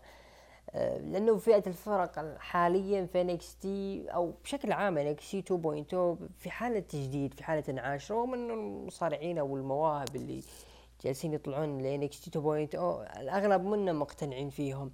لكن ك بروكس بريجز وجينسن بالأمانة أنا مقتنع فيهم. حتى شفنا ال video package اللي صار الأسبوع الماضي كان جدا جميل كيف إنهم اجتمعوا في بار وصاروا مجالد بينهم فعرفوا بعض. فواضح إنه هذول الاثنين راح يفصلون على بعض كثير في فئة NXT 2.0 فراح يسببون قلق ومشاكل في فئة الفرق. بالإضافة إنه في فريق لحد الآن ما له أي حس اللي هو فريق الامبريوم ففئة الفرق في NXT صراحة أنا متفائل فيها. يعني NXT 2.0 الشيء الوحيد اللي متفائل فيه هو فئة الفرق. ما دام يعني MSK ماسكين الاحزمه آه صرحت بطلة نساء آه NXT راكيل جونزاليس أن فرانكي موني ستكون عضو جديدة في قائمتها. لين دخلت مين؟ ماندي روز وقالت والله لايق عليك بس أفضل علي اللي هو اللقب. بعد شفنا مباراة على الألقاب الفرق النسائية بين جيجي دولن ضد جيسي جين. أو عفوا جيجي دولن وجيسي جين ضد إيو شراي وزوي ستارك. طبعا انتهت بانتصار إيو شراي وزوي ستارك وحافظوا على ألقابهن. إيو شراي وزوي ستارك لو تحطهم ضد أي فئة لو فريق لساته طالع يقدموا لك مباراة حلوة. ومن صالحهم آه، احتفاظ اللقب لأنه ما في منافس إلا كايدن كارتر وكاتانزارو. أه شفنا video package للمدعو برون بريكر. الرجل ناوي على لقب NXT UK يقول لبرون بريكر عجل الله بفطسه. أه لكن شفنا بعدها توماسو تشامبا بطل NXT يعلق على الفيديو. يقول بأنه أبو بريكر عنده شغف لكن مو مثل شغف أبو 900 و200 902 يوم كبطل. وأنا لم يسبق لي خسارة هذا اللقب لذلك لابد أن تعرف يا برون ذلك. أكيد توماسو تشامبا لازم تحط المدعو هذا برون بريكر عند حده يعني من بين كل ال roster في NXT الجميل طلع لنا ذا البرون بريكر في افتتاح NXT 2.0 افتتاح سيء سيء ومحبط ل NXT. إنه يخسر أو يفوز على مصنف يعني ممكن نعتبر مصنف أول على لقب NXT. خلال فترة بسيطة تعقد ثلاث دقائق لا تعليق. لا تعليق. شفنا بوا ضد أندري تشيس فاز فيها بوا خلاص صارت مخيسة الفقرة هذه الشهر. شهر عسل آه، إندي هارتويل وديكستر لومس. الله والله مسكين جوني قرقانو والله إنه مسكين مسكين مسكين. والله قمت أرحمه. يعني وين جوني قرقانو كيف كان؟ وكيف صار؟ يلا عوافي. مباراة على لقب لقب ال cruiserweight بين جريسون والر ضد رودريك سترونج. فاز فيها رودريك سترونج واحتفظ باللقب. أه استمرار. يعني أكيد رودريك سترونج لا يزال يعني توه بطل وأكيد جريسون والر مستحيل يخسر له. أه تمطيط لفترة رودريك سترونج أحس إنه في مصارع لكن أه لو ما كان ريكوشي يعني عاد لعرض الرو أنا كنت أتوقع إنه راح يرجع ل NXT 2.0 لأنه يحتاجونه كثير مع المواهب اللي هناك. فأعتقد إنه لكن الان ريكوشي مع الرو. وواضح إنه رودريك سترونج حيطول مع اللقب لين يرجع كوشيدا أو إذا تم تصعيد كوشيدا مثلا. آه يكون خصم القادم هو كارميلو هايس. إذا كارميلو هايس ما آه، كان في لقب شمال أمريكا فواضح إنه وجهته القادمة ولحظة صرفه العقد حقه راح يكون لقب ال cruiserweight ويستاهل صراحة الرجل من الناس اللي فعلا ممكن تقدم لك فئة وزن خفيف في NXT ممكن من زمان ما شفناها من أيام. آه، ممكن نيفل لا من كان بطل NXT قبل كان على ما أذكر ليورش فأعتقد إنه ممكن كارميلو هايس ممكن يقدم اللقب ال cruiserweight بشكل جدا جميل. الي نايت كان في مقابلة فجأة دخل عليه اوديسي جونز أه وصار بينهم جلد وجلدها الي نايت جلد محترم صراحة وقال موعدنا الأسبوع الجاي. هاي الي نايت الي نايت والله ضايع ضايع ضياع مضيع مرة. ال location عنده مطفي في NXT 2.0 واضح إنه ما عنده شيء راح يقدمه. مستقبلا. شفنا مقابلة أيضا لتري باكستر وجيت. شفنا فقرة لاش ليجند آه، قدمتها وللأمانة ما عرفت اسمها يعني فقرة كوميدية في آه، NXT. ريدج هولاند كان بيدخل لكن جاء هجوم من كايل أورايلي. كايل أورايلي عاد. أه بعدها صارت مباراة بينهم. كايل أورايلي ضد ريدج هولاند انتهت بانتصار لكايل أورايلي بالتثبيت السريع لكن أه جلدوه ريدج هولاند وبيت دن وفزع له فون واجنر يا أخي NXT 2.0 okay.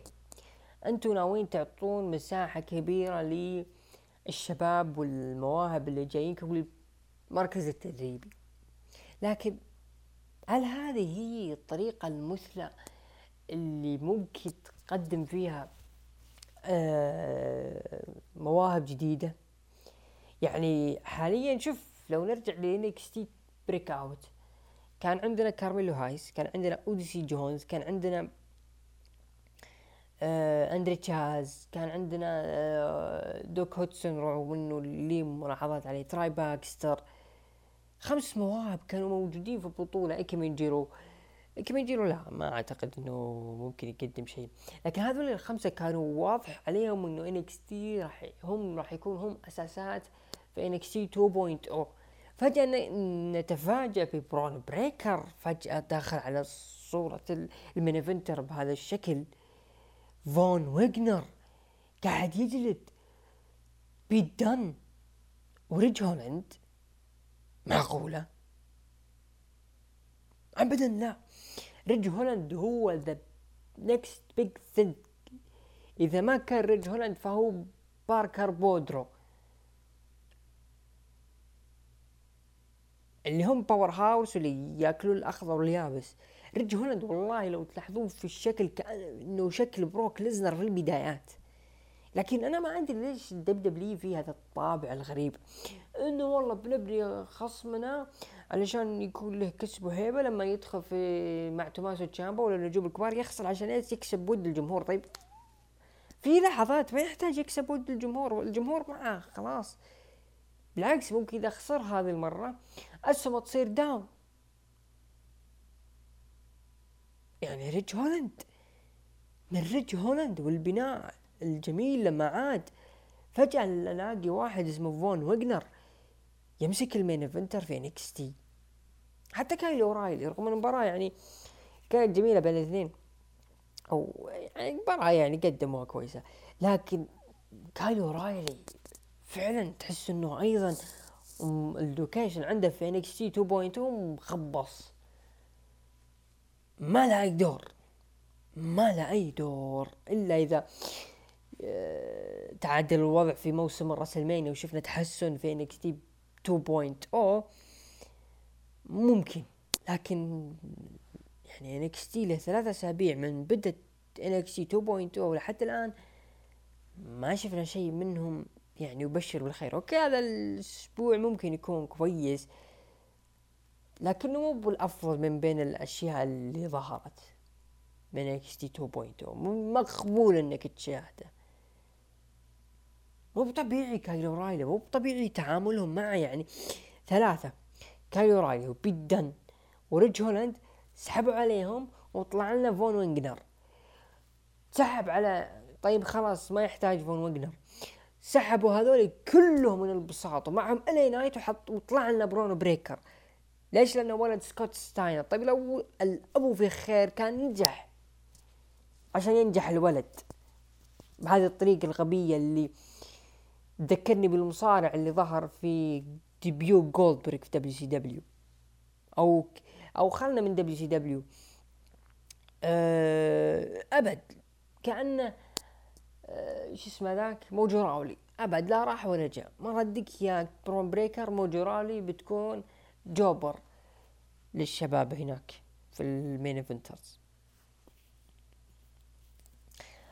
طيب والله ضايق صدري NXT ضايق صدري مو هذا NXT ابدا ابدا ابدا مو هذا NXT نروح ال main event آه، مباراة على لقب نساء NXT بين فرانكي موني ضد راكيل جونزاليس okay مباراة لا بأس. انتهت بانتصار راكيل جونزاليس وتحتفظ باللقب. شفنا هجوم من عصابة ماندي روز آه على راكيل وفرانكي موني وكاميلا. وروبرت ستون وجلدوا لك راكيل جونزاليس عشان مين؟ عشان ماندي روز NXT لا تعليق.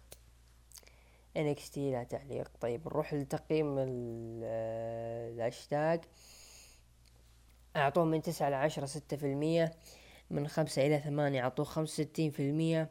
وأقل من خمسة أعطوه تسعة وعشرين في المية. أنا بالنسبة لي أعطيه أربعة ونص من عشرة. نروح الآن العرض اللي أنقذ الأسبوع بالنسبة لي اللي هو عرض AEW Dynamite اللي يقيم في آه، بروتشستر نيويورك مدينة الراحل برودي لي واللي أصلا آه، كان العرض مقدم لروح هذا الإنسان. آه، دخل أول شيء سي إم بانك. طبعا رحبوا بالجمهور وكان دخوله بس عابر علشان يدخل طاولة التعليق. واضح إنه AEW راح يحلبون لك سي إم بانك حلب حلب بس يدخل بس العرض عشان بس الناس تتحمس له وتناظر الشاشة بس تبقز عيونه في النهاية الرجال. على طاولة التعليق. حتى ما لا أستغرب لا أستغرب. إذا شفنا يوم من الأيام سي إم بانك داخل قاعد يحتفل مع الجمهور في النهاية يطلع برا القاعة. لا تستغربون يا حقين AEW لا تستغربون افتتح العرض بمباراة بين آدم كول ضد جنجل بوي آه، مباراة حلوة. دائما AEW ما شاء الله عليهم يبدعون في المباريات الافتتاحية في عرض في عروضهم. هذا شيء يعني يكسبهم نقطة. دائما يهتمون لافتتاحيات العروض ويا ليتهم يعرفون كيف يختتمون يعني كمباراة. آه، طبعا انتهت بانتصار لآدم كول بعدها دخلوا المغص ال Elite وتكلم بطل آه، فرق Impact كارل أندرسون وقال عشان تكون elite لازم يكون عندك آدم كول. وإذا كنت elite لازم يكون عندك كيني أوميجا. وإذا كنت اليتي لازم يكون عندك بعد مين؟ The Young Bucks. طيب أنت وشو يعني؟ مالك أي دور؟ مالك أي دور. أنت بس تمسح اكرمكم الله آثار اللي يمشون عليها الإليت. بس يا كارل أندرسون أنت وياه. آه، لوك جالس آه، بعد تكلم آدم كول وقال إنه آه، الإليت والإليت دائما بالقمة. أو أنه من الإليت والإليت دائما بالقمة. واضح إنه آدم كول يعني shoot للدبليو تكلم كيني اوميجا ان الناس تتكلم عن مباراته سواء على الحسابات أو جواله اللي يعجز يطفي آه مع براين دانيلسون وأنها الأفضل ولكن يريدون إعادة. براين ما عنده record لذلك لا يستحق الإعادة. دخل براين وسأل الجمهور هل تبون مباراة إعادة طبعا الجمهور قالوا yes آه نبي مباراة إعادة. قال okay أنا أتحدى أحد في رامبيج. قال okay طيب ليش مو بالحين؟ قال براين طيب تعالوا يا الشباب دخلوا الجوراسيك اكسبرس إلى متى؟ إلى متى يا الإليت؟ إلى متى؟ فعلا إلى متى يا أخي؟ الإليت والجوراسيك اكسبرس كريستيان وجنجل بوي وذا لوشيسورس مع الاليت دايما. حتى الاليت يا أخي النفخ اللي قاعدين نشوفه في عروض بحس إنه صار خلاص مبالغ فيه. نفس اللي صار أيام كريس جيريكو وام جي إف. يا أخي كل ما طلع لنا شيء يلا ترى بنلعب مباراة في رامبيج تجي الرامبيج يعلنون لك مباراة بينهم في داينامايت. وتستمر الدائرة تستمر الدائرة. ليش طيب يا الإليت؟ ما أنتم افتتحتوا مباراة حلوة اختم الفقرة بشيء كويس. يعني تخيلوا تقريبا نص ساعة على شيء أصلا متكرر وعارفينه. هذه الأشياء قللت من مباراة براين دانيلسون وكيني أوميجا والعداوة اللي كانت تصير. واضح يا أخي ما ردك يا براين دانيلسون بتخضع لكيني أوميجا أو لا سامح الله فاز براين دانيلسون عشان بس الناس تلتف للإليت كاتحاد إنه براين دانيلسون اللي ما فاز بلقب الكون وما خلت الدبليو دبليو تفوز بلقب الكون في راس المانيا الإليت أعطوه لقبهم في مهرجان فول جير بس علشان تجذب آه نوعيات ما هي حابة الدبليو دبليو لكن بشكل عام أنا طفشت منهم طفشت من الإليت والجوراسيك إكسبرس كلمة أنا والله أخاف أخاف لو مر أحد من اللي جنب سور بيتنا تلقى جنجل بوي وذول قاعدين يراكضون كذا يلاحقونهم. والله ما أستغرب حتى لو ظهروا في عرض الرياض وجاك آدم كول كذا الله لا يعيده قاعد يسوي كذا بتلقى جنجل بوي وكريستيان قاعدين يراكضون يلحقونه وين يا أبوي؟ وين؟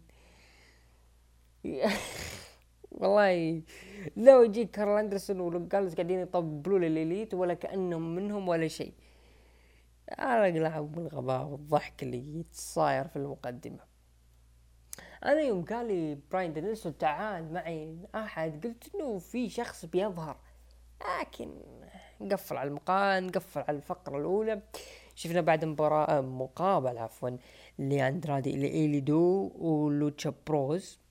أندرادي لحتى الآن يعني هو يا باك ضايعين في اي دبليو مضيعين ال location بعد حقهم. لحد الآن اي دبليو ما هو عارف كيف يستخدمهم. أه، بعدها شفنا مباراة لي يعني أندرادي ترى مسيرته في اي دبليو عبارة عن يعني video package. أو promo speaking قاعد يتكلم قاعد يجرب ال speaking الإنجليزي على الجمهور بس. بس اللهم إنه ما في حد يدقق عليه.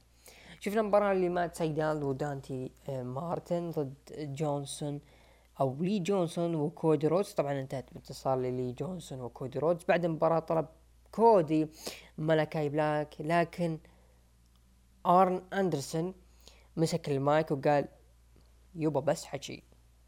بس حكي مالكاي بلاك هذا جلدنا. وانت بس تتكلم وإذا تبي تجلده اشتغل على نفسك. وانهي ذا الموضوع؟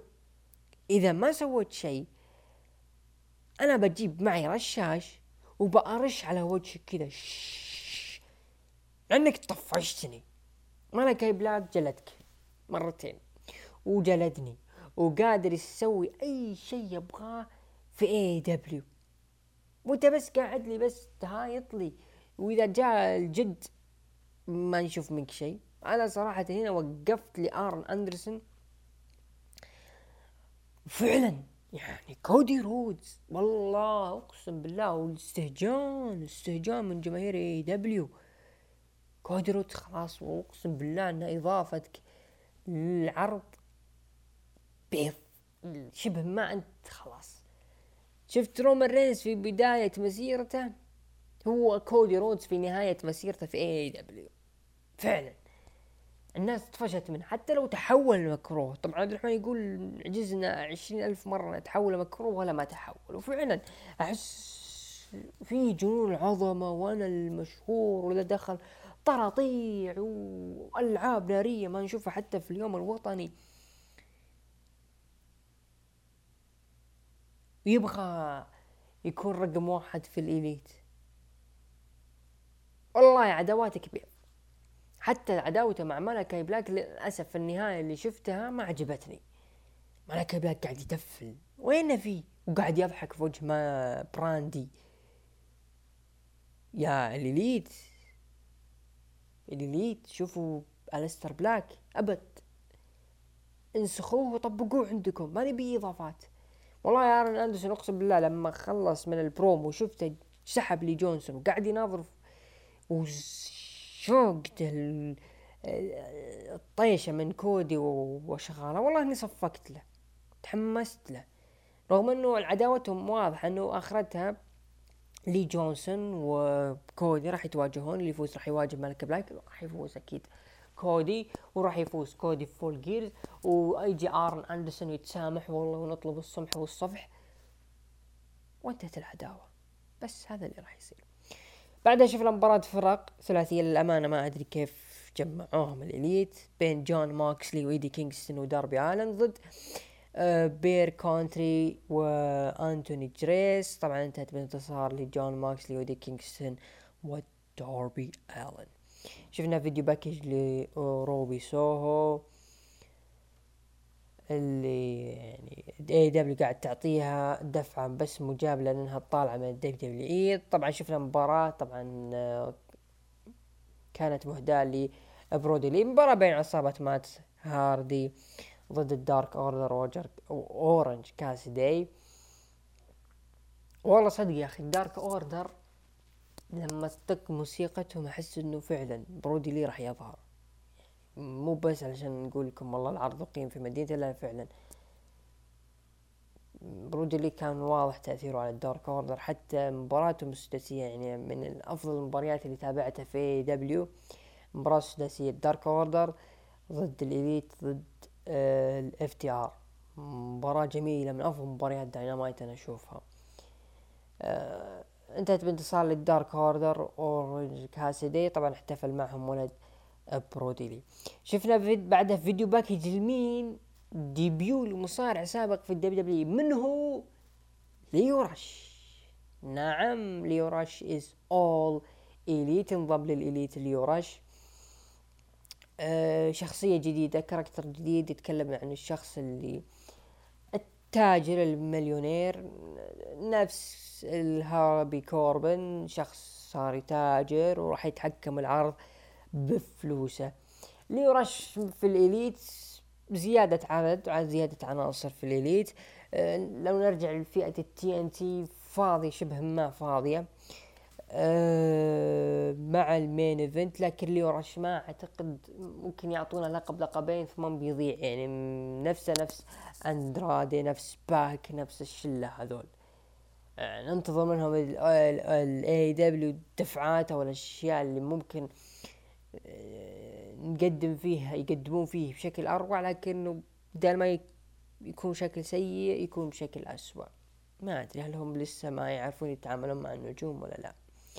بعدها شفنا آه، فريق ال FTR يقولون إنهم لا زالوا موجودين؟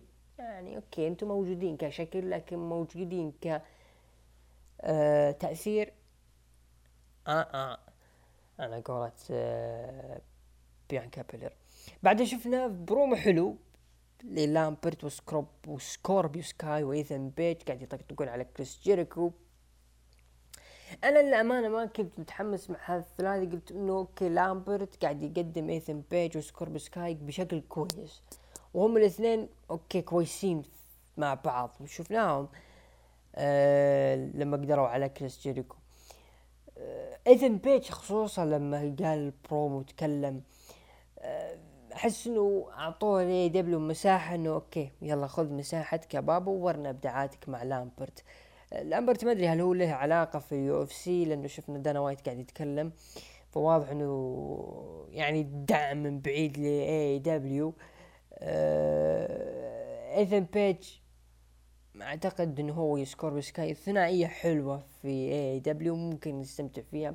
في اثنين يا أخي لحد الآن يعني فاقدهم لهم سانتانا وارتيز لا لهم فقده صراحة لكن على كلام عبد الرحمن يقول إنه بطولة آه، اوين هارت اللي راح يقيمها اتحاد AEW راح تكون لفئة الفرق. هذا كلام عبد الرحمن لحد الآن ما في شيء يعني واضح عن هذه البطولة وكيف راح تكون سيارة السيا سريانها لكن أنا أعتقد أنها بطولة فردية وراح يفوز فيها براين بيلمان جونيور راح يحتفل براين بيلمان جونيور مع مارثا الشخص أبوه ميت وشخص ميت رجلها والبطولة والحزن وما أدري أكيد في راح يصادف يوم شخص ميت ثالث راح يذكرون AEW ما يدرون إن الثلاثة قاعدين يتعذبون تحت جي جي يلا جي جي لهم صراحة يلا راح يفوز فيها براين بيلمان جونيور كل هذا عشان إيش؟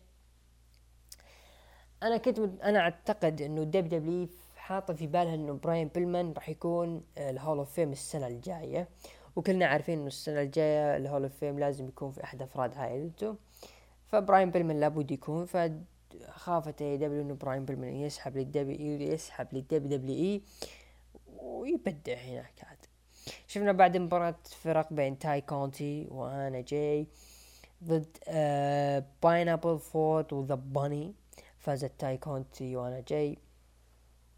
وين يا عبد الرحمن؟ هذه ذا باني اللي شغلتنا فيها آه شفنا بعده برومو جميل أسطوري. هو برومو العرض هو العرض بأكمله بصراحة. MJF دخل وتكلم قال أنا أشوف إنه سامي جيفارا وقبله داربي آلن ينافسون على لقب TNT. أنا سبق هزمت سامي جيفارا جيفارا. وداربي الن وأنا يا MJF ما حصلت على شيء. لولاي أو لولا MJF لكانت هذه الشركة ولا شيء. وأنا أستحق لقب اي اي دبليو طبعا هنا ذكرت الجماهير اسم سيام بانك وقال يا الحبايب ترى اللي ظهرني أيام اي دبليو دبليو ما هو سيام بانك هو واحد اسمه بروس بريتشارد الحبيب اللي بتاكي في انكس تي 2 2.0 قاعد يقشم على الشعار حب. أه بعدها دخل داربي آلن لكن قال بالبداية بتكلم أنا أنت أكيد جاي لأنك غيران وأنا الرقم واحد ماكسويل أه جيكوب فريدمان. قال داربي ماكس ترى أنت والله ثرثار وتشوف نفسك. أنا ترى elite. لين أموت وأنا أفوز كثيرا. وأنت يا حبيبي توك جاي على اللقب. قال يا رد عليه MJF يا أبو الشباب أنت أول شيء تعلم تنط من فوق السيارة وأنت ضايع. رد عليه داربي كمل كلام كمل كلام كمل كلام. وطالع MJF أنتم ما شايفينها لكن أنا بطبقها.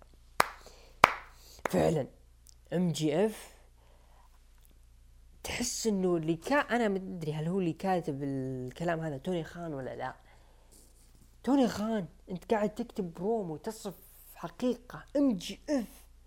إلى متى مع البزرنجية مع كريس جيريكو وضايع الحبيب؟ MJF هو فعلا وجه AEW MJF هو واجهة AEW هو مستقبل AEW إذا ما كان هانجمان بيج هو المستقبل. عندك MJF والله كنز. والله كنز يا أخي تكلم بكل شفافية. داربي آلن وسامي جيفارا يأخذون فرص. وأنا يا MJF اللي أجلد الخلق كلهم ما أخذت ولا حتى نص فرص اللي هم تنعطى لهم. رغم أني أحب داربي على الأمانة. من الأشخاص اللي يحب لما يدخل كذا بالثيم حقته ثم ال Coffin Drop أو drop ال Coffin flop.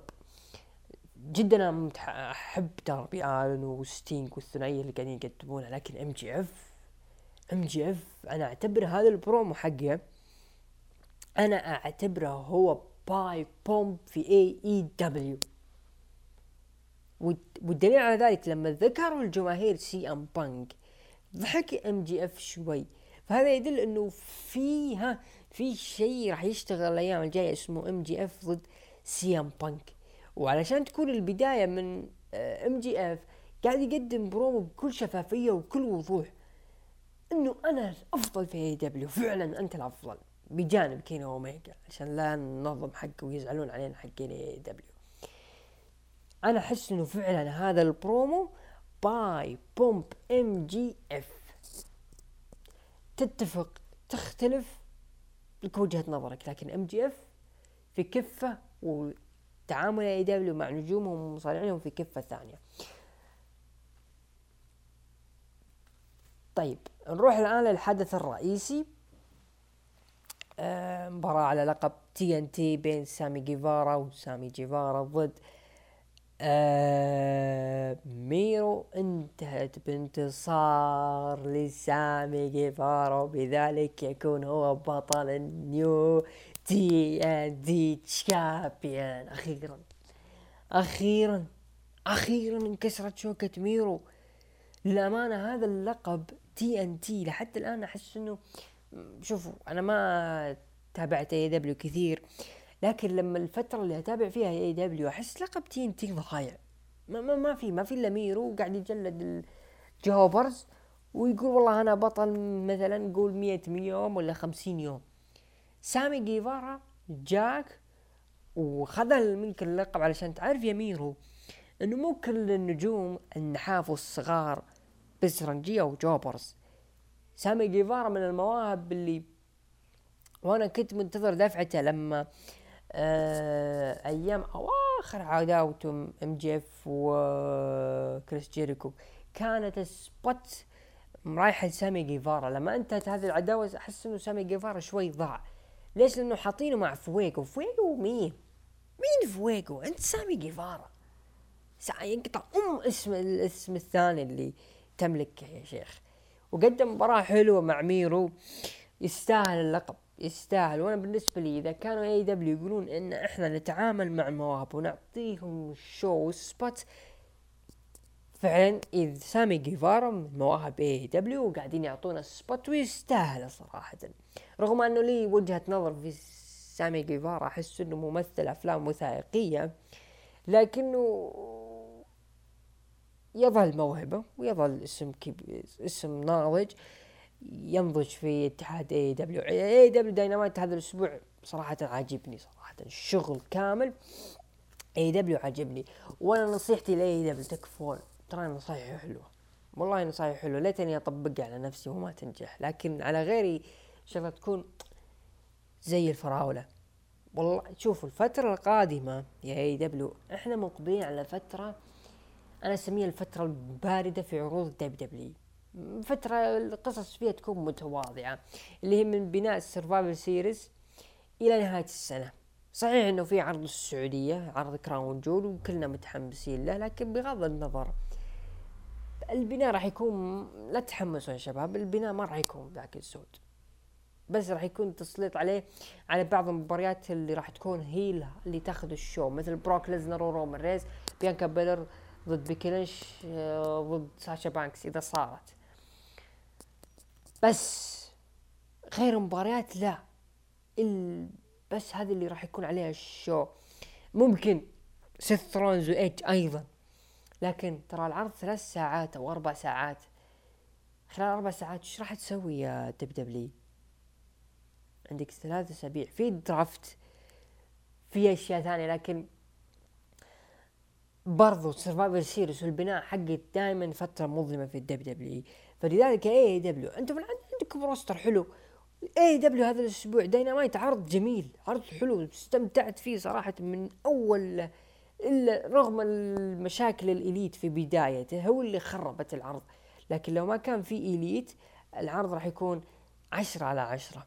لكن ختامية ال AEW جدا ختامية العرض كبير ويستاهله آه كذا انتهى العرض. نروح لتقييم آه الأخوان في الهاشتاج.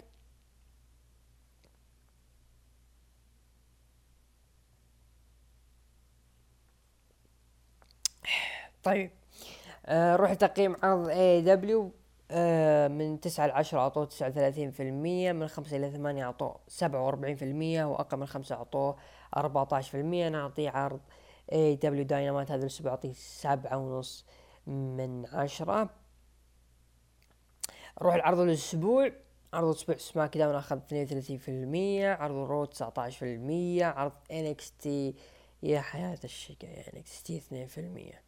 وعرض داينامايت أخذ سبعة وأربعين في المية عرض الأسبوع أكيد AEW Dynamite هذا كان آه كل شيء يخص عرض NXT Dynama أو عفوا NXT Dynama إيش اللي T Dynamite على كيف أمي أنا؟ AEW Dynamite هذا كذا قفلنا على العرض والى هنا نصل لختام حلقة هذا الأسبوع من بودكاست ترك الحلبة في حلقته الرابعة والثمانين. نتمنى أن البودكاست نال على إعجابكم واستحسانكم. أه الحلقة إن شاء الله القادمة راح تكون هي الحلقة رقم الثامن الخامسة والثمانين من بودكاست ترك الحلبة. شكرا لاستماعكم كان معكم عبد الرحمن أبو عوف ومن الإخراج دحيم العلي. أه نراكم إن شاء الله الأسبوع القادم مع أسبوع draft ال WWE وقمة ال Reds وال Blue Moon نراكم على خير في أمان الله.